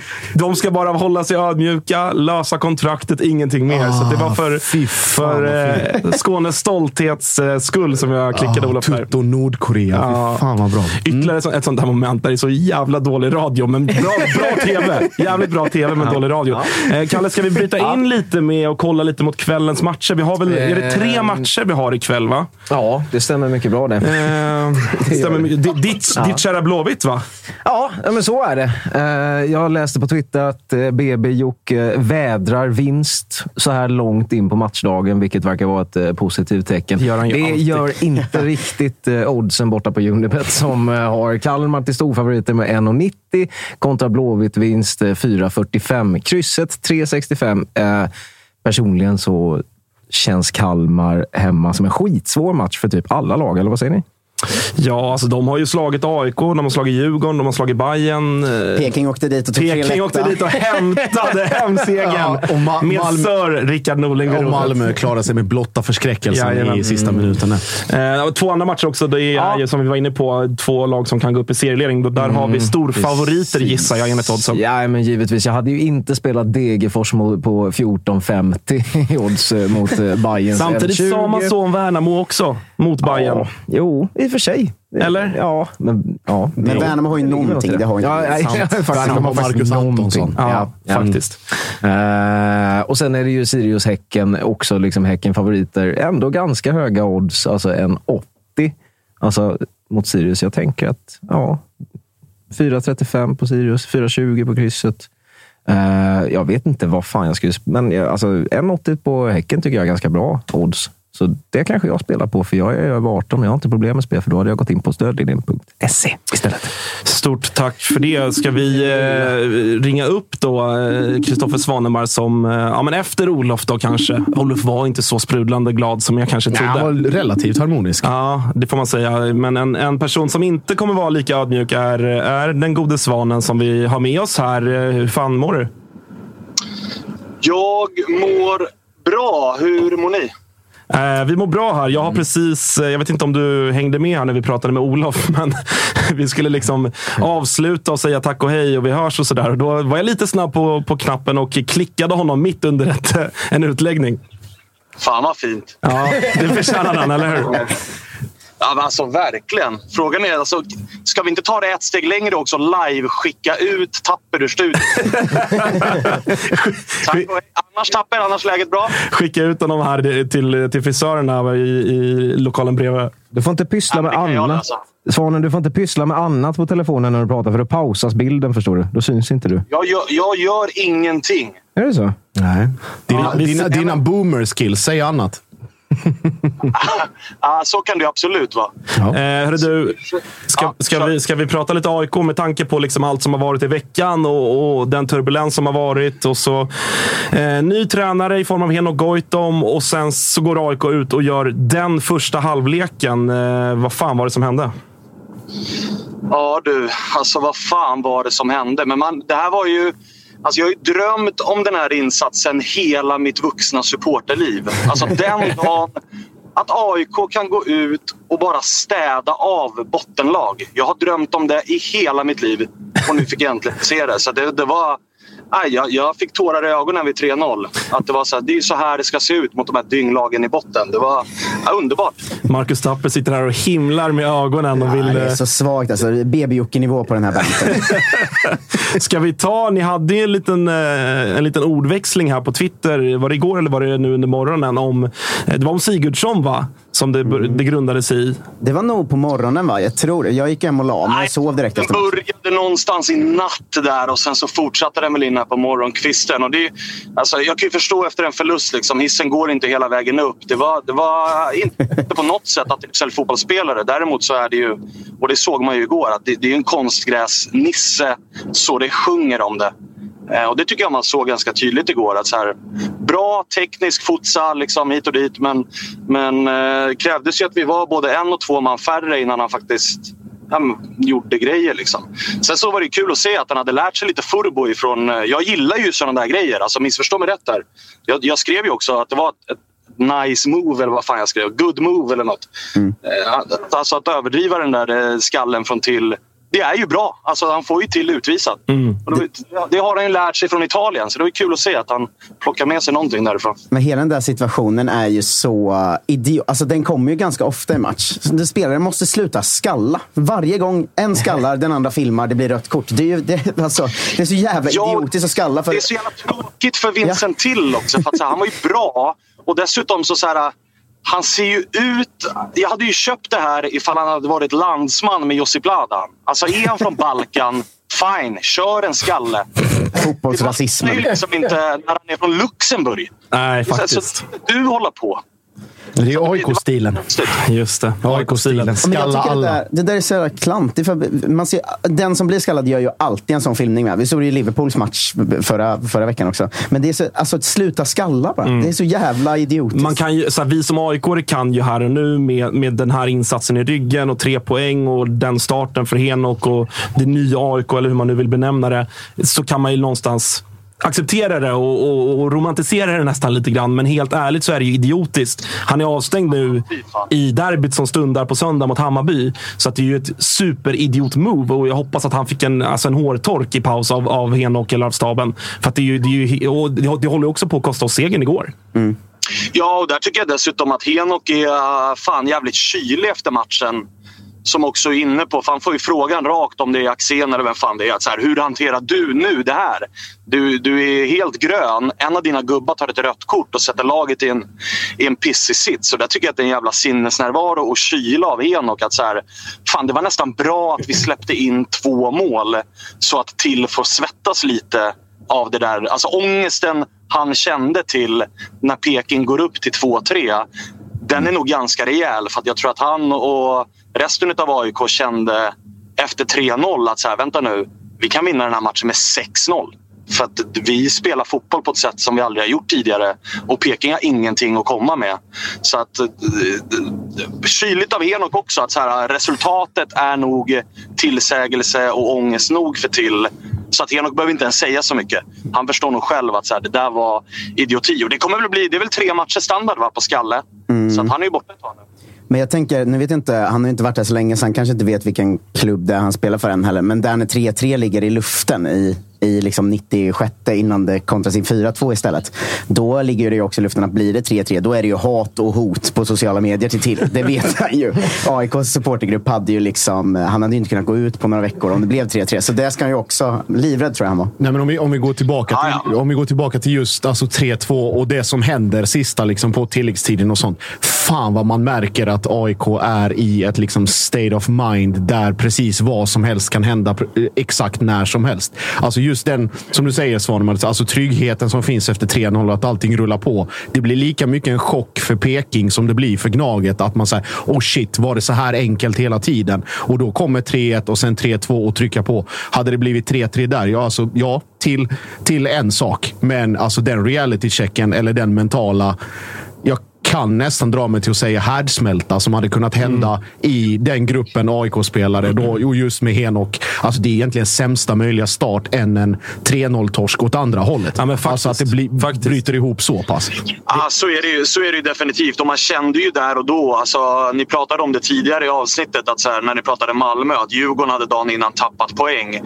Där var vi också, vi pratade om det i fredags, att Djurgården är ju inne i en sits där allting går deras väg. Alltså alla såg vad Hampus Lindell gjorde. Alla vet att det där är ett solklart rött kort alla dagar i veckan. Nu står domarna i någon jävla position så att de inte ser hur den träffar och hit och dit. Men det är klart att Djurgården inte får rött kort där, för de är inne i det stimmet där solklara röda kort blir inte solklara röda kort. Offside-mål som är tveksamma, de går Djurgårdens väg. Så man satt ju där i andra halvlek och kände att visst fan ska vi hålla nollan till matchminut 85 och då ska det komma 3-1. Och sen i 94 ska det komma 3-2 och så kommer den där sista hörnan och då tänker man att ja, Visst fan kommer 3-3 nu. För det är i en sån period vi är inne i. Liksom. Eh, så det, det, det var en sån jävla lättnad igår som aik att dels, alltså det, det är inte bara första halvlek. Första halvlek är en sak. Att Henok har uppenbarligen på liksom 48 timmar lyckats knuta upp mentala knutar i det här laget som gör att de vågar spela fotboll. Alltså basic-grejer som att pressa högt. Peking fick tjonga. Jag minns inte senast ett fotbollslag behövde tjonga bollen mot ett högt pressande AIK. Det har varit, liksom, det har varit julafton att möta AIKs höga press. Det har varit tick-tick och så har man spelat förbi två lagdelar. Så bara den grejen. Hur vi gör 2-0 målet. Det är också så här, passningar efter marken, slår ut motståndares lagdelar, kombinerar utanför straffområdet, behärskade avslut. Det var också så här, wow. Men också i andra halvlek, att en man mindre vi har inte kunnat känna igen AIKs defensiv heller. Det har varit liksom, kom och gör mål på oss. Kom och skapa målchanser. Men då visade vi upp att vi har fortfarande shapen kvar. Vi kan fortfarande försvara och det krävdes ju fan att vi blev två man mindre innan det på allvar började osa katt på riktigt för, för den där backlinjen och försvaret. Så det var, det var ruskigt imponerande och det tyckte jag att man såg också på en sån liksom erfaren tränare som Alexander Axén som nästan var i fan chocktillstånd i studion efteråt. Så här, hur, fan, hur fan har ni fått till det här? Ni spelade i torsdags och såg ut som ett division 3-gäng. Och ni spelar nu, trots sparka tränare, och ser ut som att ni inte har gjort något annat. Så det var... Nej, det var en sån märklig, märklig match på många sätt och Men- vis. men Och det är- var allt annat än vad jag hade förväntat mig. Är inte det Svanen? För jag, jag har ändå liksom, du, är- du är lite bättre än mig på att liksom välja glädjen och, och sådär. Men för mig, alltså, så jag var också lyrisk igår och det var, liksom, eh, ja, men det var, det var fest, och, fest och ballonger. Nu jävlar händer grejer här. Eh, men så här, jag, någonting i mig kände också lite, det jag var inne på i fredags också när jag, när jag var med på länk. Att sådär, vad fan, ni kan ju faktiskt spela. Varför skulle ni gå ut i torsdags? Visserligen med en annan tränare som de hade tappat förtroende för. Allt det där. Jag köper det. Men för klubbens bästa, skit i tränaren, för oss supportrar istället. Hur kan man gå ut och göra den insatsen i torsdags och sen plötsligt gå ut söndag? Alltså, så här, visst, det är klart att Henok har vridit på några grejer och tryckt på några få grejer. Det är så mycket som du hinner på en träning. Men det är, alltså, att det är en sån stor skillnad. Någonting i mig blir lite provocerat av det. Förstår du vad jag menar? Ja, jag kan förstå det, men det är också en påminnelse om hur mycket mentalt spel fotboll är. Alltså, Det är klart att Henok inte har kommit in med en taktiktavla och dragit pilar och ritat grejer och liksom uppfunnit något nytt hjul här. För, liksom, det är inte så, jag tror inte Bilal Hussein och Yasin Ayari och de här spelarna har suttit och bara Wow, kan man göra så här också? Utan det är nog snarare att de har... De, de har det, det, är något tyngder som har släppts ifrån deras axlar som har gjort att det har, de har vågat släppa loss och, och göra saker som de inte har vågat göra tidigare och vågat tro på sig själva på ett sätt som de inte har gjort. Jag tycker så här, 18-åriga Amar tycker jag beskriver det ganska bra. Att så här, det, det Henok sa till oss var att så här, vi är AIK, vi, vi, det är folk som ska vara rädda för oss. Och det tror jag, det han inte säger där är nog det som är liksom svaret på väldigt mycket. Att Bartos pysslade väldigt mycket med att vi ska fokusera på vad motståndarna gör. Vi ska riskminimera och de är bra på det här. Alla, jag och många aik med mig har ju suttit och liksom varit galna senaste månaderna för att det hela tiden, varje presskonferens pratas, både inför och efter matcher pratas det alltid om hur bra motståndarna är. Och de är det är ett så bra lag vi möter. Vi ska ha så stor respekt för Skendia. De har mött Milan för tre år sedan och, och Värnamo. Det är ett fantastiskt fotbollslag. Och så här, jaha, men vänta nu här, vi är väl allmänna idrottsklubben med 20 000 pers på läktarna. Varför pratar vi inte om vad vi ska göra? Varför är det inte vi som ska ta tag i matchen? Vi ska bara anpassa oss efter vad de ska göra och sådär. Så jag, tror, jag tror insatsen i, i söndags kontra den som vi fick se i torsdags är eh, ja, men 90 procent bara en mental fråga snarare än, än någonting annat. Hur viktigt tror du att det var att ni faktiskt redde ut den här? För vi snackade innan matchen om att så här, antingen kommer IFK Norrköping vinna med 4-0 eller så kommer AIK göra det. För det är så mycket psykiska problem med de här lagen nu. Att om man släpper ett tidigt 1-0 då kommer det gå åt helvete. Liksom. Eh, och jag hade bilden att det hade verkligen kunnat gå så åt båda hållen och att det höll på att verkligen bli 3-3 i slutet där också. Men hur viktigt tror du det var för liksom, psykena i truppen att ni faktiskt eh, red ut och vann den här? Liksom? Alltså, eh, såklart extremt viktigt, men så som matchen... Alltså så här, hade någon sagt till mig att AIK kommer spela bländande fotboll i första halvlek, leda med 3-0 men efter 40 minuter kommer en gubbe ta ett rött och i andra halvlek kommer Peking kvittera till 3-3. Hade man bara fått scenariot utmålat så, då hade det varit så här, "Ah, ja, men då visade vi ändå i första halvlek att vi kan spela fotboll. Inga konstigheter. Truppen är sliten, vi spelar en man mindre. De gör tre mål i andra för att vi går på knäna. Okej. Okay det, det hade funnits liksom förmildrande omständigheter. Medan som det blev nu så är det ju, det är ju en extrem boost. Alltså nu börjar ju faktiskt till och med AIK tro på att vi kan vända 3-0 mot eh, Slovacko på, på torsdag. Liksom. Det är sex lag som så gjort det i historien. Kör vi! Ja, men det, det, alltså det, det är ju så pass viktig den segern var. Hade vi tappat in det på slutet. Jag tror inte att det hade varit så här äh, domedagsstämning och Henok är en bluff och såna här grejer. Utan det hade varit så här, ah, ja, vi fick ett rött kort. Vi fick ändå se tendenser av vad Henok vill göra i den första halvleken. Och så, så pass illa som det var efter Slovacko så tror jag väldigt många aik hade varit väldigt nöjda med att bara få se offensiva tendenser i spelet. Att få se tre mål framåt, varav två i spelmål. Dessutom ganska snygga sådana. Bara det hade räckt, oavsett om det bara hade blivit kryss för att många skulle ändå känna en liten framtidstro på, på det här laget. Att det skulle vara en så stor förändring som vi fick se, det tror jag väldigt få hade, hade räknat med. Så att, att vi lyckas lösa segern på det, det blir ju, det blir ju fundamentalt. Eh, och det, det, folk börjar drömma igen. Liksom. Mm, och jag, jag, just när vi pratar om just den här returen och 3-0 och sådär. Jag tror att det, i det alltså så som jag känner er och ser er utifrån, just det, AI, oh, titta där. Han behagar oss med, med sitt fagra anlete till alla stora besvikelser besvikelse. Eh, nej, men eh, just när man känner aik och, och vet hur ni resonerar och tänker och er, er emotionella berg och dalbana som byter skepnad liksom fyra gånger om dagen. Så tror jag också att man måste gå in i den här returen och faktiskt fatta att Slovacko är ett bättre lag, eller betydligt bättre lag än IFK Norrköping just nu. Och att man dessutom i det avseendet kanske inte ska, eller ska hålla band på sig själv lite grann. Att inte, hur ska jag säga, redan eller dra för stora växlar av den här insatsen. Alltså, fattar ni vad jag menar? Att det blir... Ja, ja det är klart. Ja, det är men det är också svårt att göra det med, med tanke på att du säger hur emotionellt, eller att vi, det är uppenbart att den här gruppen spelare är väldigt emotionellt skör eller känslig för, för både mot och medgång. Att det blir att man, när så här, liksom bröstet ut helt plötsligt och sen minsta lilla, säg att, att det skulle stå 1-1 efter en halvtimme och då ska man fortfarande hämta in tre mål för att klara en förlängning. Då kan det liksom bli pyspunka på, på en halv sekund. Hur ska man dela med det? Eller vad fan ska man göra för att behålla fötterna på jorden där? Äh, men till att börja med så det är klart att Sovatsko är ett bättre lag än Norrköping. Det var därför vi också plockade av en gubbe så att det skulle bli jämnt där. Annars hade det kunnat rinna iväg ganska rejält i, i den här matchen. Ja, alltså, vi, pratar, vi pratar rekordsiffror ifall det hade fått fortsätta. Just äh, så det är nog alla med på. Liksom.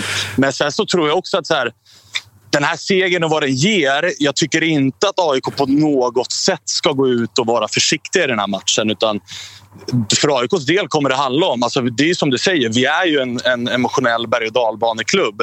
Där liksom när det stämmer så kan vi åka till Tele2 Arena när de får ha 10 000 bara djurgårdare och vinna med 4-1 och vara liksom det äckligaste laget världen någonsin har skådat. Eh, och vi kan också se ut som ett division 3-gäng när det vill sig illa och vi åker ner till Tjeckien och uppträder så som vi gjorde i torsdags. Så det är ju väldigt mycket upp och ner. Men ska vi på något sätt ha chansen att vinna den här matchen då behöver vi ställa ut det bästa laget på benen. Vi behöver få in ett mål innan 30 minuten och får vi det då, då, då, då kan det på riktigt gå vägen. Eh, så det, det, jag hoppas verkligen att det inte är så här ah, men nu ska vi, vi ska gå ut och känna på de första kvarten och, och vi ska liksom ha respekt för, att det, det, för motståndet och de här grejerna. Jag tycker att vi har haft alldeles för mycket respekt för motståndet hela det här året. Jag vill snarare se raka motsatsen. Att brösta upp er. Fan, gå ut och fan, lev på den här hybrisen som vi har i den här klubben. Det, mm. det, är, liksom, det är en del av vår identitet. Men använd den åt rätt håll. Liksom. Ja, men exakt. Och framförallt så handlar väl, eh, det har ju pikats liksom, eh, på diverse håll på, på sociala medier och sådär om att nu är AIK plötsligt bäst i världen igen och, och nu ska de eh, liksom vinna gruppspel i Conference League och allt det där. Men det handlar väl också, Svanemar, för att vara ärliga också om att vi supportrar också på något sätt måste, efter den här jävligt tunga perioden, hitta någonting att enas kring igen och, och, få tillbaka en tro och få tillbaka en, liksom, en passion och en glöd. Sen så såklart, det är ingen aik som tror att vi kommer gå ut och vinna med 7-0 på torsdag mot Slovacko. Men vad fan, vad ska vi annars göra? Ska vi lägga oss ner och dö och tänka att 3-0, är det är kört? Ja, Låt oss vara alltså, realistiska. Det här, det här är kört. Så funkar i, inte fotbollssupportrar. Förra veckan fick alltså Freddy Arnesson, djurgårdaren, sitta och liksom uppmuntra mig och köra så här. Ni är ju bara fyra poäng ifrån. Alltså, det är inte så illa för er. Så jag menar, vi är ganska bra själva, vi aik på att trots att vi är ganska bra hävda att vi är sämst i världen. Mm. Och eh, Lika mycket är det åt andra hållet. Att när vi, när vi liksom leker med IFK Norrköping då, då är vi ju bäst i världen helt plötsligt. Eh, så man, får vara, man, får ju, man får ju haka på den hypen och ha lite kul åt den. Men man får också vara lite jävla Eh, lite jävla nyanserad. Liksom. Det vi kan konstatera är att man, man, fick ju, man fick ju gåshud över hela kroppen att vi slog fyra passningar på egen planhalva, eller på offensiv planhalva. Vilket bara en sån sak är, det är, det är ett stort jävla framsteg för, för, eh, för AIK fotboll den här sommaren i alla fall. För det har vi inte, det har vi inte sett någonting av. Så bara en sån grej ger ju framtidstro. Sen tror jag Ah, hoppas han dog nu. Nej, han är tillbaka. det hackade till lite där Svanen, men eh, Tapper vill in med någonting här också. Ja, men det jag tänkte säga bara till alla aik är att ni måste lära er av Malmö och Göteborg. En vinst borta mot Norrköping är ingen vändning på säsongen. Alla vinner borta mot Norrköping. Alltså, vi är ju vi är näst sämst i allsvenskan på plast. Vi spelar på plast. Alltså, vi vinner inte hemma. Vi har förlorat hemma mot Varberg, Sirius, Göteborg, Malmö, AIK. Att vinna borta mot oss är ingen vändning på säsongen. Så det måste alla lära sig nu. För ni såg när Malmö, Malmöiterna trodde det. Att nu ja. är vi igång igen. Ni såg när göteborgarna trodde nu ska vi ta SM-guld. Eh, och sådär. Ni får inte gå på den myten. Alla vinner mot oss som vill vinna mot oss. Väldigt sant dock. Har du något svar på det? Det är bra poäng faktiskt. Det är ja. bra poäng. Du, eh, jag tänkte att vi ska, vi ska klicka dig här strax och låta, låta Tapper utveckla Norrköpingsdelen av den här matchen. Men eh, en sista grej jag tänkte att vi måste, någonting på tal om liksom gåshud och Henok var i tårar och hej och hå. Nabil Bahoui med första starten på jävla länge och eh, vilken satans insats han gör. Dessutom med binden runt armen. Det var fan gåshud. Ah, det var mer än bara håret på kroppen som reste sig där kan jag meddela. Eh, ganska fin passning också till folk som hävdar att han är slut. Och han är så, jag, jag var ju nära att liksom hoppa in genom rutan när det hävdades att Nabil Bahoui är en extremt skadebenägen spelare.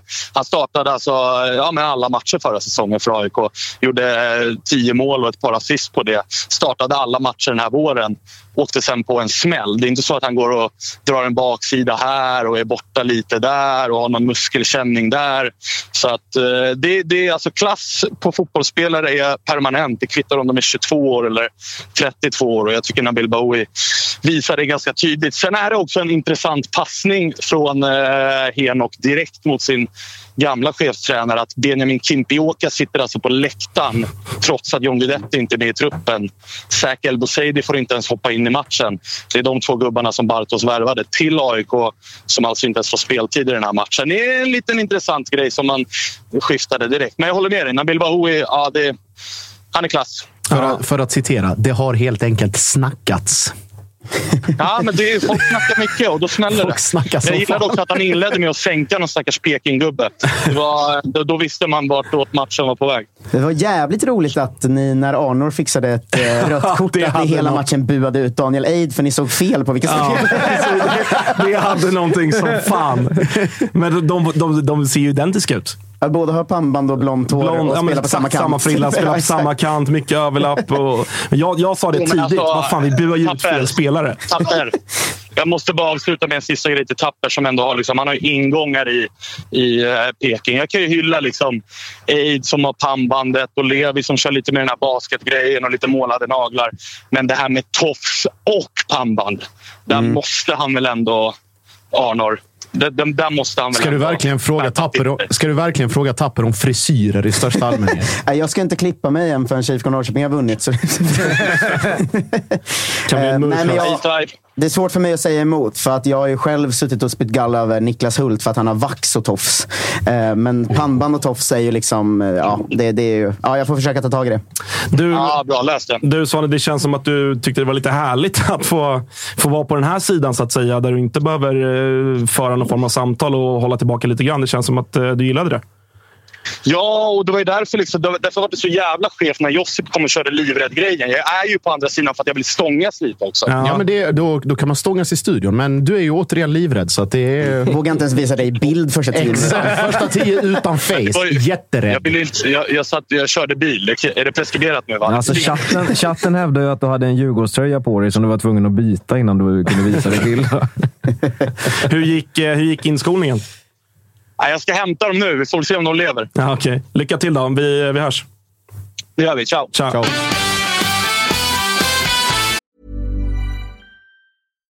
Hörni, vännerna på Sky Showtime är tillbaka i Tuttosvenskan och det tackar vi ödmjukast för. Ni vet den här grymma streamingtjänsten där man bland annat kan se Oppenheimer som skördade hem Oscar efter Oscar. Men hörni, nu ska vi prata lite nyheter. Eller nyheter och nyheter. Det här är nostalgi för mig. För på Sky Showtime kan ni nu se Halo Ja, Halo! Ni vet spelet man spelade för massa år sedan. Eller om man spelar nu. Aktuellt då som nu. Men det är alltså en serie baserad på det här grymma spelet Halo. Och det är inte bara en säsong, utan det är två säsonger ute exklusivt på Sky Showtime. Och som att det inte vore nog, vi har ju även en kod. Tuttosvenskan i versaler, alltså stora bokstäver, ger er första månaden gratis hos vännerna hos Sky Showtime. Sen kostar det 59 kronor i månaden. Så ladda ner appen eller gå in på skyshowtime.com och signa upp redan idag. Tack för att ni gör Tuttosvenskan möjlig, Sky Showtime. I'm Sandra, and I'm just the professional your small business was looking for. But you didn't hire me because you didn't use LinkedIn jobs. LinkedIn has professionals you can't find anywhere else, including those who aren't actively looking for a new job but might be open to the perfect role, like me. In a given month, over 70% of LinkedIn users don't visit other leading job sites. So if you're not looking on LinkedIn, you'll miss out on great candidates like Sandra. Start hiring professionals like a professional. Post your free job on linkedin.com/achieve slash achieve today.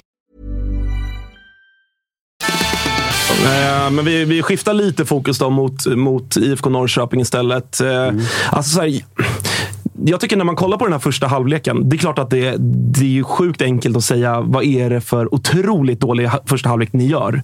Och det är klart att ni är inte bra. Men jag vill ändå hävda, kalla mig enögd, men att så här, det var AIK som var jävligt bra. Ni var inte så dåliga. Sen blir det ju lätt att så här, ni släpper in tre mål på tre lägen. Det är klart att det blir tydligt och konkret och Glenn var inne på det också. Vi kan inte släppa in mål sådär. Men det är ju tre skickliga mål från AIK snarare än liksom tre tabbar. Eller? Jag, jag är någonstans i mellanläget. Jag tycker AIK var bra. Jag tycker kanske inte vi var 3-0 dåliga. Men det var en väldigt konstig första halvlek. För första 10-15 så tycker jag ju att vi är bra. Att man känner att det här kan nog, det här tar vi fan. Liksom. Och sen blir det ju tre mål lite från ingenstans. För det är tre skott ni har och alla tre går in. Och första är ju en markeringstabbe av Sigurdsson. Och de andra känns inte otagbara, men inga tabbar riktigt. Så att det är inget, så här, det är inget tydligt. Men det är ju det är tre mål från nästan ingenting. Liksom. Och där är ju matchen egentligen över om ni inte får ett rött också.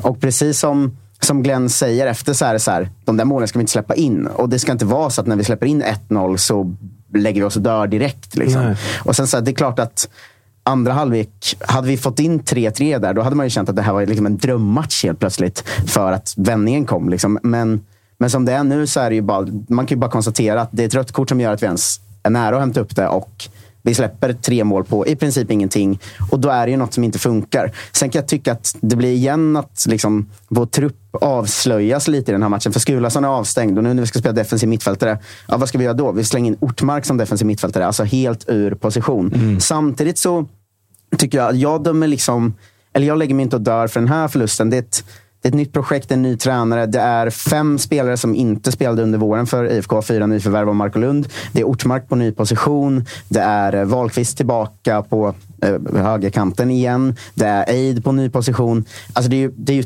tre eller fyra spelare som spelar på samma position de gjorde för en månad sedan. Det är klart att det tar tid liksom att göra om.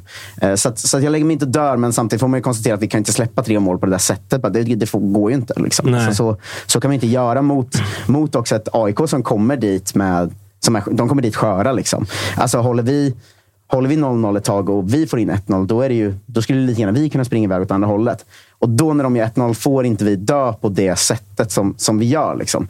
Eh, så att, ja, det är psyke som blottas och lite, lite spelare som alltså måste höja sig. Liksom. Eh, helt enkelt. Jag såg den här, jag vet inte hur mycket det betyder, men så här, liksom, ratingen spelarna har efter matcher, matcherna. Där är nu faktiskt Oskar Jansson näst sämst av alla målvakter i hela allsvenskan. Eh, vi har det, det, det är inga tydliga tabbar han har gjort. Eller så. Jag tycker inte allt ska falla på honom. Liksom. Men, men det är vissa som måste höja sig. Det, det, ser man när, när man när man ser det. Det är väl fyra spelare på plan som man känner så här, du, du kan ju så jävla mycket bättre än så här. Vad, vad är det som händer? Liksom? Är ju- ja, Eh, och de, de måste- viktiga må- spelarna också. Levi till exempel, som, som jag älskar och som jag tycker är hur bra som helst. Han har inte gjort en poäng nu på åtta matcher heller. Nej. Att det, måste komma igång igen. Som det är nu är det ju, ja, nu är Arnor jättebra. Då är ingen annan det. Mm. Och I våras var Levi jättebra. Då var, ingen, då var ingen annan det. Det måste ju klaffa mer och det måste vara fler som kommer igång. Och det måste liksom Ja, men det just, måste hända någonting. Just faktiskt kring, kring Jonathan Levi, men även till viss del Totte Nyman, som ju så här på pappret, ja, Sigurdsson emot då kanske, men ändå ska vara era ganska klart bästa spelare det är ingen glädjande form de två sitter inne på. Totte blir ju extremt isolerad. Sen så, så här, det är Totte. Han gör alltid sitt jobb och han kommer fortfarande vara liksom jobbig att möta och rivig och allt det där. Och liksom lägga ner sin själ och sitt hjärta liksom ute på planen. Men han uträttar ju mer eller mindre ingenting. Och Levi känns också lite samma sak. Att så här, trots att han har varit i, i liksom allsvenskan ett tag nu, så känns det som att spelarna har någonstans börjat läsa honom. Han får inte alls ut, som, som du är inne på, åt, är det åtta matcher utan poäng? Något sånt. Han Det är fem- ändå häpnadsväckande för Ja, en spelare som tar fasta Mm. situationer, som liksom har en ganska Jag ska fri säga att jag roll. tar inte gift på det. Eh, Nej, men det är många matcher, för jag har suttit med, med honom i fantasy och surit. så att, eh, Eh, Men det man ska säga där är ju att det är faktiskt, nu, nu vet jag att både du och Svanmark kollar på matchen med, med era ögon och liksom, eh, ser det som en liksom, fullständig överkörning. Men i, i andra halvlek, det är ju så mycket lägen vi borde kunnat göra mer av. Alltså Levi har många lägen i box och, och t- det kommer in bollar på Totte. Och det, alltså, det är två ramträffar också förvisso, men att vi inte gjorde mål innan 85 är ju galet. Det säger ju någonting om, som ni pratar om Djurgården, att de har mycket med sig just nu. Eh, vilket jag ska ifrågasätta sen när vi ringer Freddy, så det återkommer vi till. Eh, men vi har ju liksom den andra. Det, det, allt studsar ju fel. Den går i stolpen eller utanför. Vi, vi skjuter över när vi har liksom superläge från tre meter. Eh, vi, att vi inte får in ett innan 85 är ju bara ett bevis på felstudsen just nu i, i, i IFK Norrköping. Liksom. Ja, och det som syns är ju också, för vi är inne på det, du är inne på det själv, att det är en spelare som tajmar form i tre matcher och sen kretsar väldigt mycket kring honom. Det tyder ju också på att det finns en osäkerhet i truppen till, kring, eller att man liksom överlåter ansvar lite på någon annan hela tiden. Att det blir så här, okej, idag är det jag som är bra, då ska mycket gå via mig. Men att man hela tiden, det finns liksom ingen, som du säger, bestämdhet eller någon slutprodukt för att man tänker hela tiden, okej, ska jag skjuta eller ska jag ge det till någon annan som är i ett bättre läge? Att man börjar övertänka vissa situationer och liksom positionering och sekvenser i, i matcherna. Det, det är väldigt tydligt. Och när det väl klaffar, när man börjar så här, ja, men Sigurdsson, ja, men ge den till honom. Han hittar Totte eller han hittar Levi på andra sidan eller hur det nu än blir. Då kommer man ju till lägen. Då kommer man, då blir det ju, som man säger, till 85. Men det ska inte, alltså, med en man mer så länge. Det ska inte dröja Nej. så lång tid. Och det beror ju på att man inte riktigt... Man vågar inte kliva fram, för man vill inte vara den... Alltså rädslan att, att göra fel blir större än viljan att lyckas. På Men sätt. alltså, första kvarten av andra halvlek. Jag skulle vilja se siffror på det. Min känsla på plats var att så här, vi vann typ bollinnehavet första kvarten i andra halvlek med en man mindre. Alltså, Och det är ju så här, AIK var ju bra då, så det, det är väl till viss del AIK, men hej, ni är en man mer. Det måste ni kunna göra bättre. Det måste liksom gå snabbare än till minut 80 innan ni inser att så här, okej, vi kanske bara ska fortsätta piska inlägg mot bortre ytterback. Där både Joe Mendes och Otieno hade enorma problem. Och 3-2 målet kom ju till på det sättet. Men det tar ju för lång tid. Ja, och sen, sen så man ser ju såklart en potentiell uppväxling under hösten i liksom, Traustason landade i, i lördags efter att ha fått barn, så han, han har ju göra en träning med laget.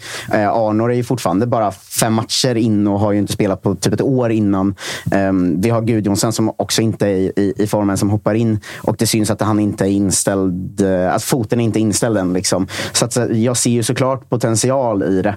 Eh, och jag håller ju med Olof om att jag tror inte det blir någon bottenstrid. Liksom. Men, men samtidigt måste man ha respekt för det. Vi möter Varberg nu. Förlorar vi där, då, då är vi ju nästan indragna. Liksom. Och, eh, att bli indragen när man har en helt ny startelva på plan och en ny tränare, det är ju inte bra. Alltså det, det är inte ett läge man vill hamna i. Så det, lite saker måste börja smålossna nu. Eh, så, så är det ju. Eh, men mm, samtidigt som man då tänker att det är, inte- det är inte den här hösten som... Det viktiga nu är inte att Glenn kommer in och tar åtta vinster i rad nu, Nej. liksom, utan att, att det sitter på plats till, till våren eller kanske säsongen efter det. Men, men det måste samtidigt börja... Det får, inte, det får inte bli så här nu. För Utrymmet för misstag blir mindre och Ja, vi mindre. vi är sex poäng eh, ifrån en bottenstrid och vi, som sagt, vi möter bottenkonkurrenter nu. Och sen kommer ett svårt spelschema. Vi avslutar liksom, liksom säsongen mot uh, guldjagande Djurgården och Häcken och sådär. Tills dess måste det vara klart. Liksom. Lite frågetecken också som vi pratade om innan. att så här, eh, Balansen i Norrköping, i alla fall igår. Jag, jag vet liksom inte om du håller med om att det varit så sen, sen Glenn kom. Men, eller sen han kom, Eh, som att han, matcher. ja, två matcher. Men, men i första matchen också. Men, men, för det var ju tydligt tycker jag att AIK lyckades utnyttja det AIK lyckades utnyttja mot lag i våras också. Att, man, att man hade två droppande spelare runt en defensiv mittfältare. Och igår spelade ni Jakob Ortmark ganska ensam i den ytan. Och de andra centrala mittfältarna var Traustason och Sigurdsson, vilket ju inte är så Som- defensivt Nej, flaggat. precis. Och det utnyttjade AIK på ett väldigt bra sätt. Mm. Där både Stefanelli och framförallt Yasin Ayari gjorde lite vad man ville i de ytorna och, och liksom målen kom till på det sättet. Sen var ju det liksom kombinerat skickligt AIK, men lite frågetecken kring att man inte justerade det tidigare och lät det liksom gå så pass långt att det liksom 0-3 och ett rött kort. Eh, så att, eh, ja, Men där är ju helt plötsligt nu Skulason liksom key i hela Ja, laget. ja, alltså, han är ju typ den viktigaste nu för att han är den som spelar den positionen. Och jag kan i efterhand ifrågasätta att vi inte startar Dino Salijovic eh, i den rollen. Som, visst, han är ung och oerfaren, men han, ju, han kan ju spela den rollen. Och jag, alltså, Ortmark, jag tycker Ortmark är jävligt bra, men eh, han har haft en ganska svag form nu och det är inte hans roll. Då, det är en stor chansning att sätta honom i den, den rollen mot ett lag som AIK som ändå det finns liksom många spelskickliga mittfältare där. Liksom. Att det, det, är en, det är en jävla chansning och i efterhand så är det väl lätt att säga, men jag, jag tycker nog att Dino borde startat där och ser ju Skulason som att han helt plötsligt är en av höstens viktigaste spelare. Liksom, om man inte får in någon annan i den rollen. Liksom. Måste bara flika in här att Olof Möller skrev privat till mig. Sinnessjuka klicken så fort man visar lite hopp.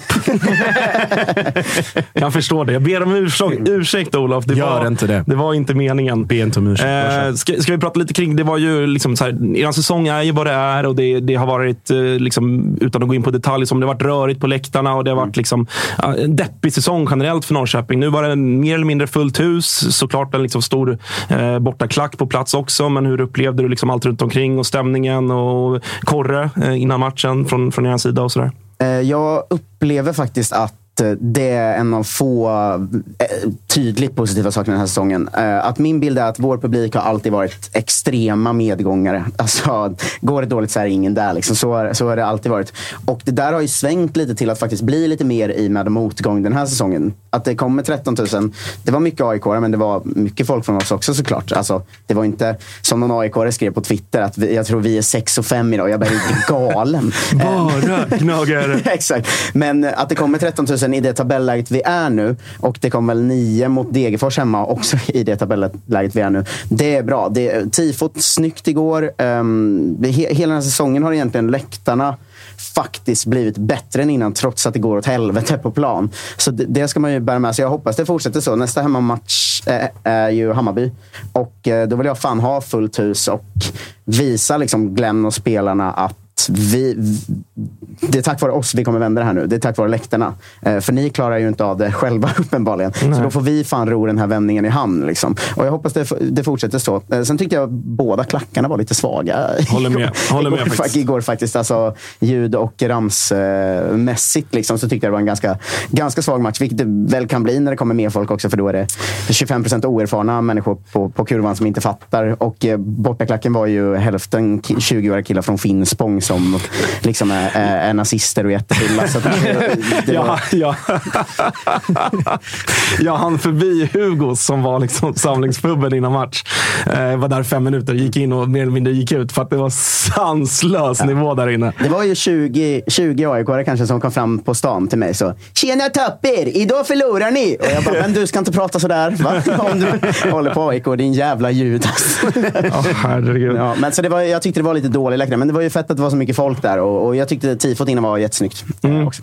Eh, men jag, vill, jag vill bara fastna lite, lite till kring, kring Jonathan Lever. Jag vet ju att ni, ni liksom har bra kontakt och du är någon form av eh, agent i alla fall när, när Israel ringer och sådär. Men, men tror att det finns någonting, överanal- överanalyserar jag nu eller finns det någonting i att så här, det var ändå halvtydligt att han ville hitta ett nytt äventyr nu under sommaren. Det blev inte så. Kanske på grund av att det inte var tillräckligt liksom, attraktiva klubbar för Levis del, men också att Norrköping inte fick den summan man ville ha.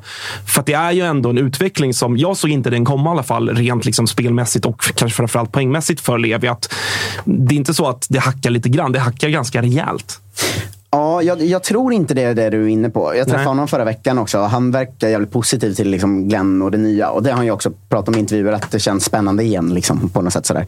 Så, men jag tror att Levi är också en formspelare. Det har man sett alla år i, i, i, i IFK i alla fall. Att liksom, det kommer en period där det inte blir så mycket poäng, där det hackar. Sen kommer det en period där han öser in poäng. Så har det varit i princip varje säsong.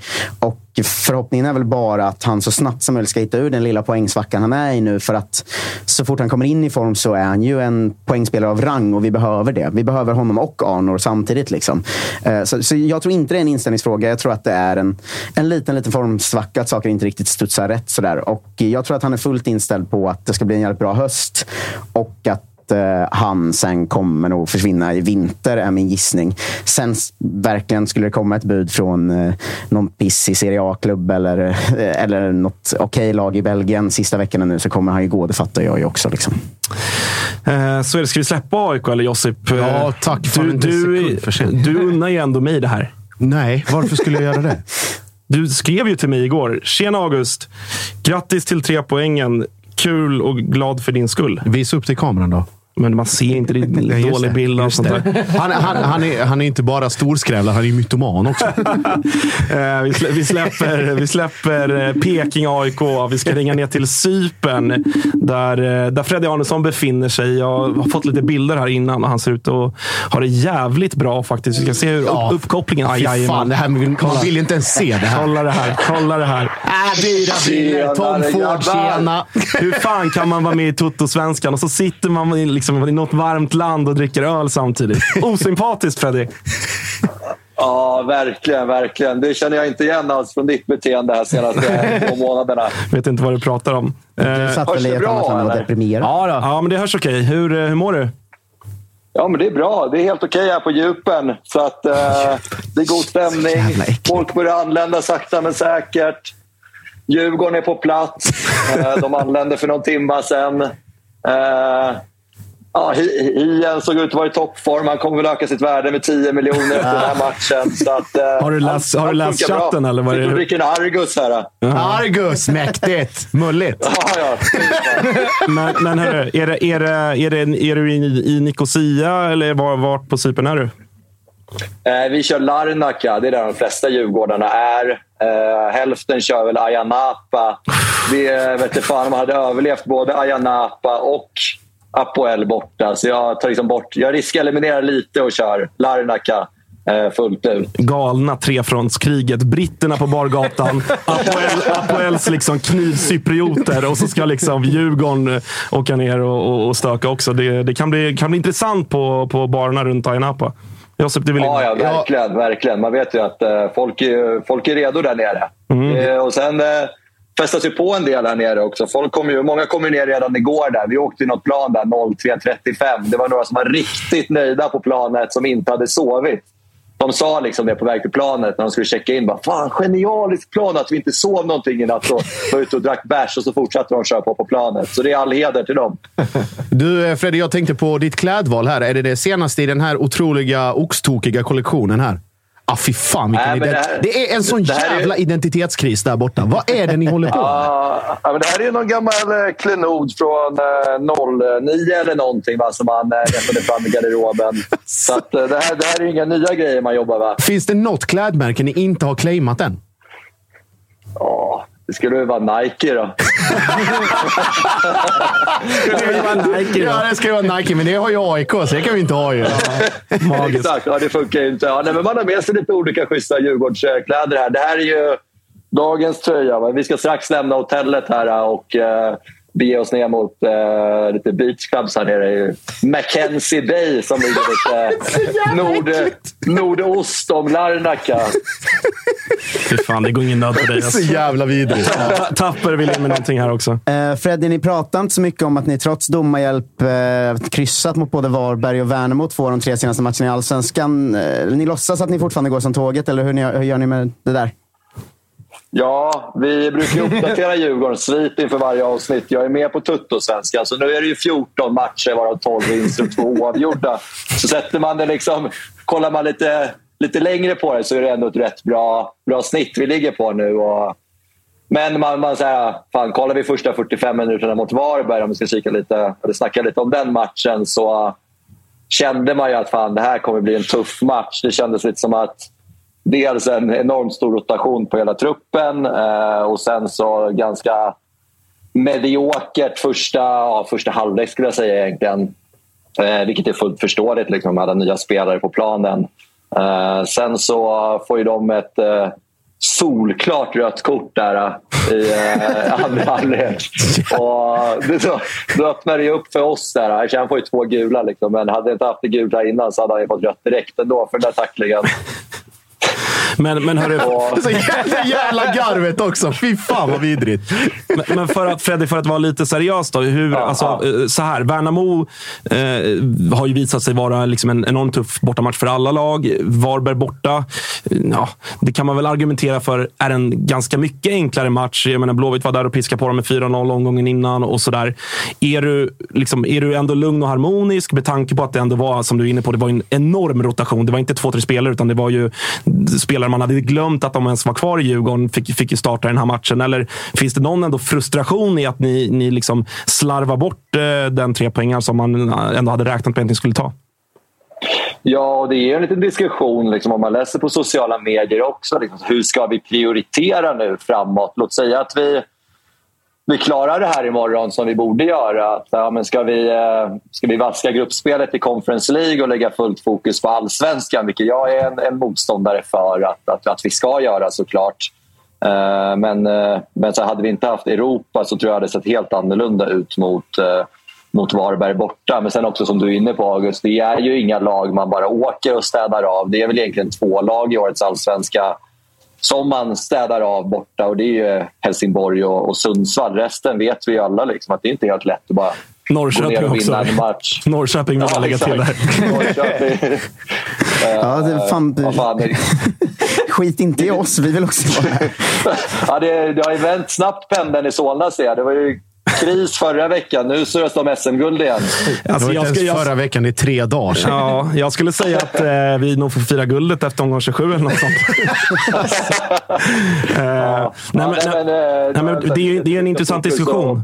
Just det där med rotationen, som ju finns i alla tre liksom, Europaklubbar på det sättet. Men så här, jag, om jag ska liksom, utifrån försöka se på, på hur Djurgården hanterar Jag tycker att Kim och Tolle gör rätt i den här matchen. Så här, dels krigar ni ju till slut till ett kryss, även om så här, ja, ni, ni ska ju ha ett rött kort och de ska kanske inte ha ett rött kort. Så ni har ju fortsatt liksom allt mer.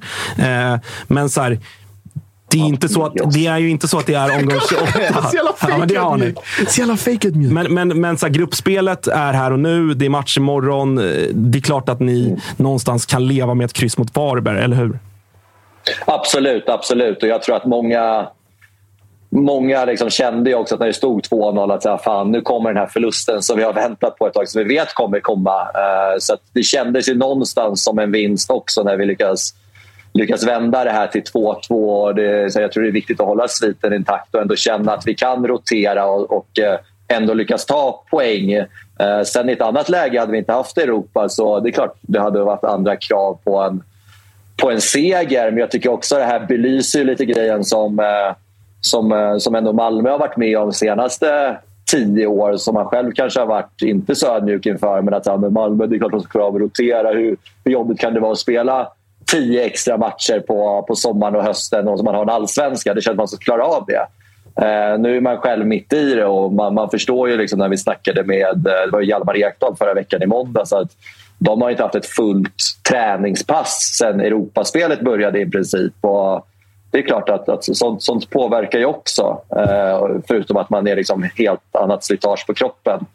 Eh, så att jag tycker man har fått en annan respekt eh, när man är i det också. Att man förstår att spelarna blir trötta och man förstår att Bosse blir frustrerad när vi inte lyckas flytta en match eh, mot Varberg. Men att å andra sidan, det är verkligheten man, man lever i om man ska vara ute i, i, i Europa och matcha både i allsvenskan och, och ute i Europa. Så att någonstans så vet vi om det här och jag tycker att hittills har vi hanterat det bra och vi vet att det kommer vara tufft att matcha ute i Europa Eh, och, och i allsvenskan samtidigt. Och därför kom, landar man ju någonstans i att Jättekul att komma till ett gruppspel om vi löser det här imorgon. Eh, Men sen tycker jag att vi ska skifta fokus och liksom spela våra bästa spelare i allsvenskan. Och sen kanske vi har ett Sundsvall hemma eller något sånt. Då är det klart man kan rotera lite men att vi ska inte tumma i de riktigt svåra matcherna. Då tycker jag vi ska lira med, med våra elva bästa spelare i dem och kanske eh, rotera då i en Europamatch. Eh, Tycker jag personligen.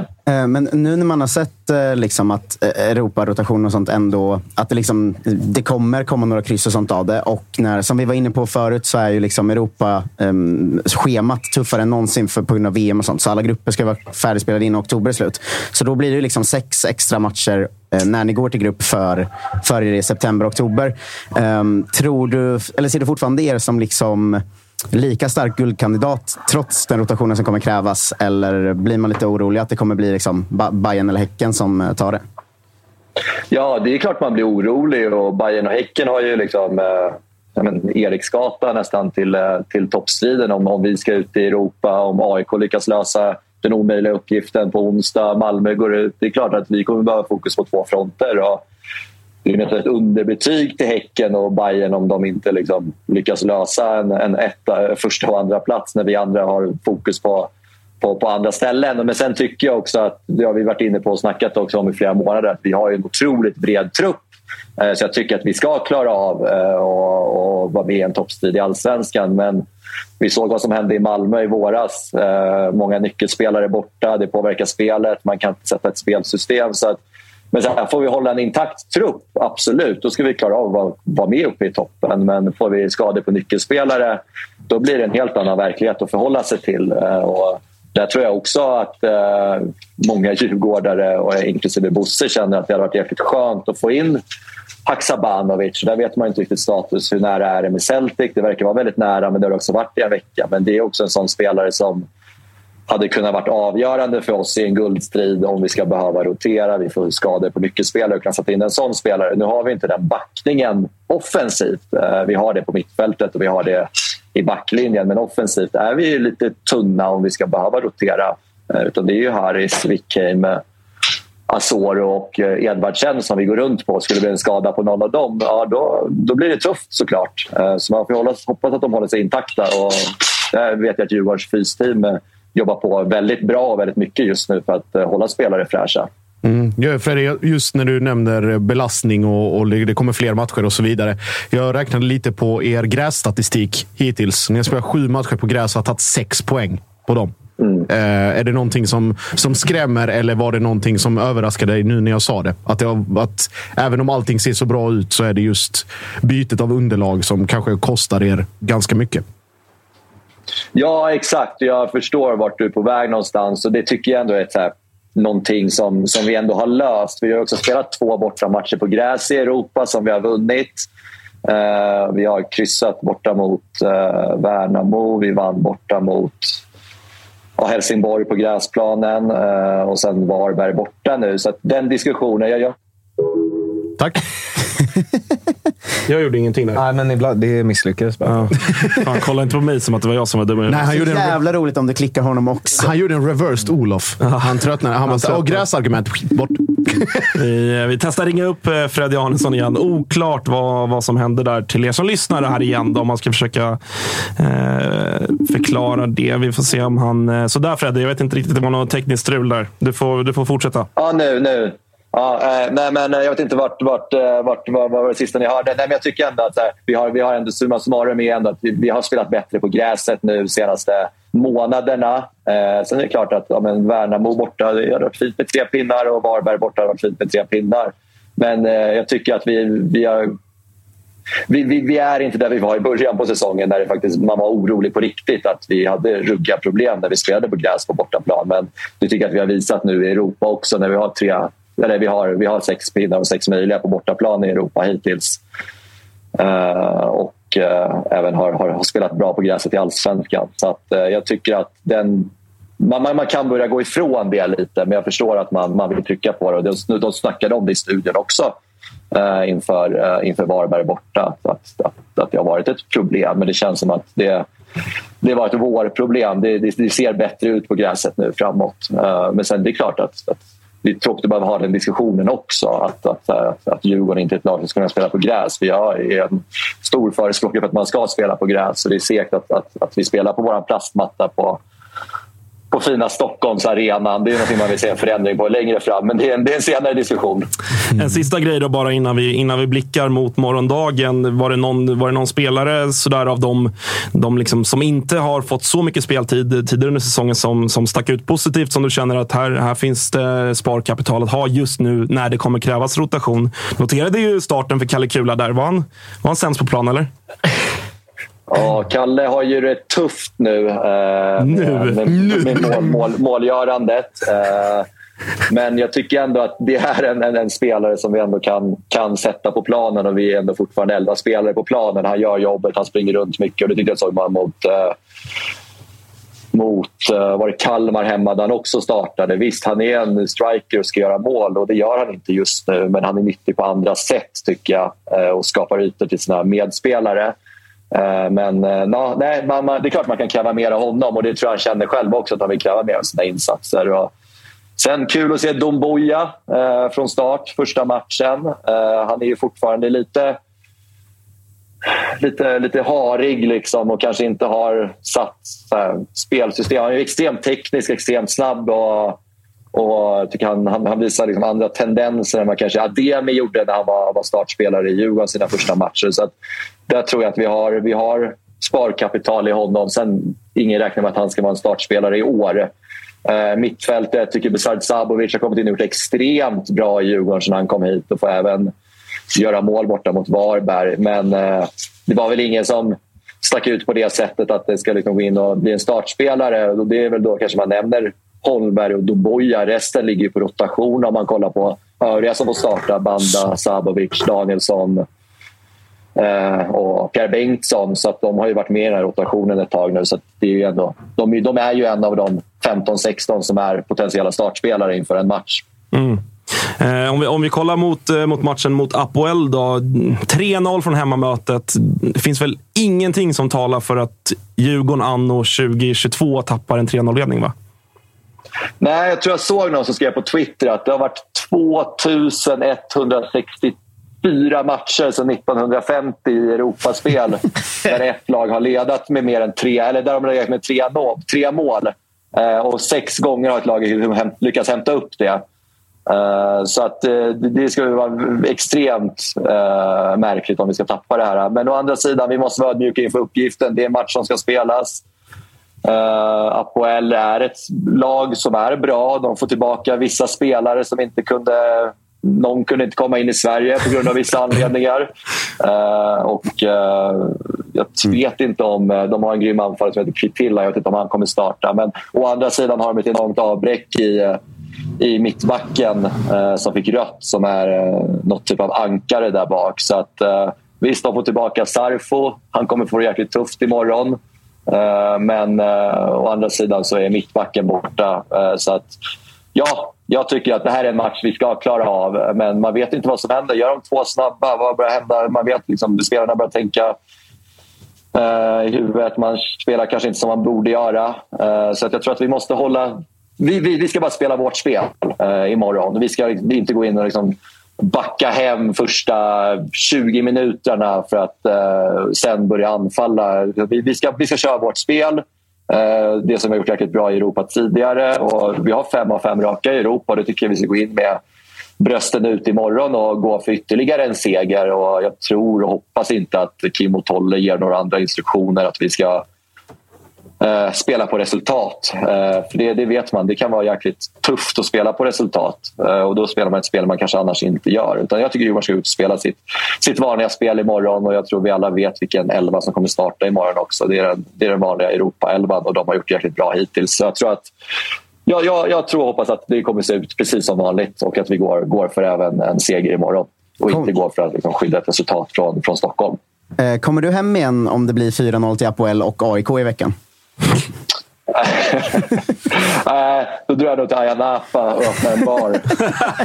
Galanbaren på Ayia Napa. Ja, så får ni komma ner dit och kika lite kula nästa sommar. Då börjar du hålla på Apoel. exakt, exakt. Ja, nej, nej, men det är väl klart eh, att eh, man, man har svårt att se att vi ska torska det här. Men eh, det kommer bli en jävla käftsmäll eh, om, om, om något sånt skulle hända. Men jag tror ingen har de tankarna heller. Eh, Käm- Så det är högst hypotetiskt. Känslan är ju att, alltså så här, för Apoels del, Apoel, det är samma läge för dem som för AIK. Att så här, det finns ju absolut ingenting att spara på, utan det är bara att gå ut och tokköra från minut ett. Och känslan Mm. då, med Joel Asoro och Viktor Edvardsen i hög form, de två på rulle. Alltså jag, tror att det kan, jag tror på riktigt, utan att liksom försöka jinxa någonting, det kan stå 0-2 Djurgården efter 10 minuter. För att de kommer få såna allt klaffar. oceaner av Ja, yta. Om det klaffar, ja. Precis. Ja, men och, och Ma- Mange som bara står och piskar in de bollarna bakom backlinjen. Så att jag tror det, det kommer nog bli målrikt, skulle jag tro. Mm, ja, men verkligen. Och sen tror jag också så här, lite känslan man har fått på stan också, lite vad man har hört innan är ju lite att Apoel har gett upp någonstans. Att det kommer inte alls vara samma åtgång på biljetter till matchen. Det surras någonstans om att det kommer komma typ 8000 på Arena Arena som tar drygt 20 000. Eh, så man får lite känslan av att supportrarna också har gett upp. Eh, och de känner väl lite så här, ja, vi var i Champions League för sju år sedan. Eh, att de, de känner att ja, lilla Conference League är ingenting vi bryr oss om ändå. Att de försöker intala sig det. Så att, eh, det kan bli eh, speciell stämning på läktarna imorgon. Och det kommer att tryckas på bra ordentligt från oss Djurgårdssupportrar som är på plats. Det är väl cirka 300-400 Tusen. tusen. Exakt. Nej, det är väl 3 3 3 400 på plats här nere. Och det, folk, folk ser ut att vara i bra form. Eh, det kommer bli en fin uppladdning imorgon också. Man ligger lite på, på sparlåga idag så man har någon röst imorgon också. Men uh, ut och rulla hatt ska man väl göra ikväll också. Sen hur lång tid det blir, det får vi se. Ja, det är, väl bara, det är väl bara att köra på. Det är väl en ganska bra siffra ändå, får man säga, utifrån de, de resor ni har haft. Eh, Det har ju liksom varit ganska dyra resmål ju. Så att det är ju all cred som vanligt till, till alla er som är på plats eh, nere på Cypern. Ja, nej, men det är jävligt roligt och man märker ju det är många som har liksom ansträngt sig lite extra för att komma ner. För det har inte varit några smidiga flyg. Själv åkte man med med 03.35-planet i söndags och åker hem med 05.15-planet på onsdag. Så det är inga spa, spa-flygresor man hoppar på direkt. Men eh, nej, det känns eh, jävligt roligt och det är en fin sammanhållning här mellan alla som är på plats här nere också. Så att, eh, Stämningen är fortsatt god. Ja, det låter som att det inte går någon nöd på dig Freddy eller, eller de andra Djurgårdarna. Hörru, tack för att vi, vi fick ringa. Kör hårt ikväll då och, och ja, något form av lycka till imorgon. Då. Ja, nej, men tack. Och sen har man ju sett lite så här, lappar på, på lite lampstolpar och sånt här nere. Att de väntar fortfarande på Bayern här ute i Europa. De har inte sett dem på ett tag. så att, eh, se om de kommer ut någon gång. Ja, Nikola Djurdjic kanske står i APL-klacken imorgon. Exakt, exakt. Ja. Hörru, vi hörs då. Ja, fint att se er grabbar. Detsamma. Tja. Tja. Fan vad han mår den mannen alltså. Ja, det är fan det är inte tufft för honom. Det börjar bli väldigt provokativt. Alltså, så här, riktigt så här, up in your face-beteende lite grann. Och han gör det extremt omedvetet också, så att det nu gör det ju nästan ännu värre. Alltså, det är en genomsnäll människa, men att det blir liksom så. Han har det så bra så att man nästan vill kräkas lite. Ja, alltså när, när mådde någon svensk klubb så här bra som Djurgården mår? Det måste väl vara Malmö då, för så när, det började, när ni var liksom andra eller tredje gruppspelet i Europa. Och liksom Ja, det där- väl varit andra CL-året. Ja, men något sånt. Efter Celtic. Där. Annars kan jag inte minnas liksom, när, när en förening liksom, på alla stadier så mådde så Mm. jävla bra som Djurgården gör. Nej, det, och det, är ju, de, det har vi väl pratat om förut, men de har ju någon slags, när det går bra, ur kraft i Djurgården. Så det, det här händer ju varannat, var tredje år och det är ju Mm. vidrigt. Alltså, när de kommer in i ett flow är de ju fruktansvärda. Både supportermässigt och Alltså på på plan. alla sätt. På precis alla sätt. Kalle, vill du, vill du säga någonting mer eller? Ja, heja Blåvitt, tror jag. Heja Blåvitt ikväll. Ja. 2-0 Kalmar va? Prata inte. Vilken match, eh, tappar, vi börjar med dig. Vilken match kollar du på ikväll? Eller kör du också dubbelskärmar eller hur br- brukar du vilja fokusera på en match? Jag är ju en eh, dubbelskärmare i grunden, men huvudmatchen måste nog bli Kalmar-Göteborg. För Bayern blir väl 5-0. bara. Mm, det är känslan. Det är ointressant. Eh, Sirius-Häcken, kul ändå. Det är väl de som möts ikväll också. Ja, exakt. Eh, det känns ju som en rolig... Men Sirius kan ju ändå på rätt dag störa alla lag. Eh, och, På alla andra dagar förlora med fem. Ja, jo, jo exakt. Så det, det beror väl mycket på hur Sirius kommer in i den matchen. Men den kan ju absolut bli intressant. Eh, och speciellt se att om det blir en stängd match, om Häcken fortsätter vinna med 1-0 ändå. Även om Jeremejeff inte gör mål så är ju det, det, är ju, det är ju, börjar ju osa guld om dem faktiskt, tycker jag. Ja, det får man fan säga. Alltså. Det, även om eh, alla vill inte erkänna det än. Jocke vill inte göra det. Nej. Eh, Jag men- håller Bayern och eh, Häcken båda två. Alltså, som, jag tycker det, det, det, det, det är så mycket som går rätt i de två just nu. Mm. Samtidigt som jag tror att AIK är inte tillräckligt bra och Malmö och Djurgården kommer ha svårt att hålla uppe det med Europaspel också, tror jag. Jag, jag, jag ser Bayern och Häcken som tydliga nu. Alltså. Ja, vi får se. Eh, Jag känner också Kalmar Blåvitt på, på liksom huvud, huvudskärm och sen eh, blir det väl ja, växla lite mellan Bayern Deg. Man kollar första kvarten Bayern Ja. och så stänger man av efter 2-0 och slår på eh, Sirius Häcken. Då har man fått in sina fantasypoäng på Besara och är klar med den matchen efter en kvart. exakt, exakt. eh, mer om de här matcherna som, som vanligt på onsdag. Jag gissar att vi också kommer prata lite Djurgården då, med tanke på att de spelar redan imorgon tisdag.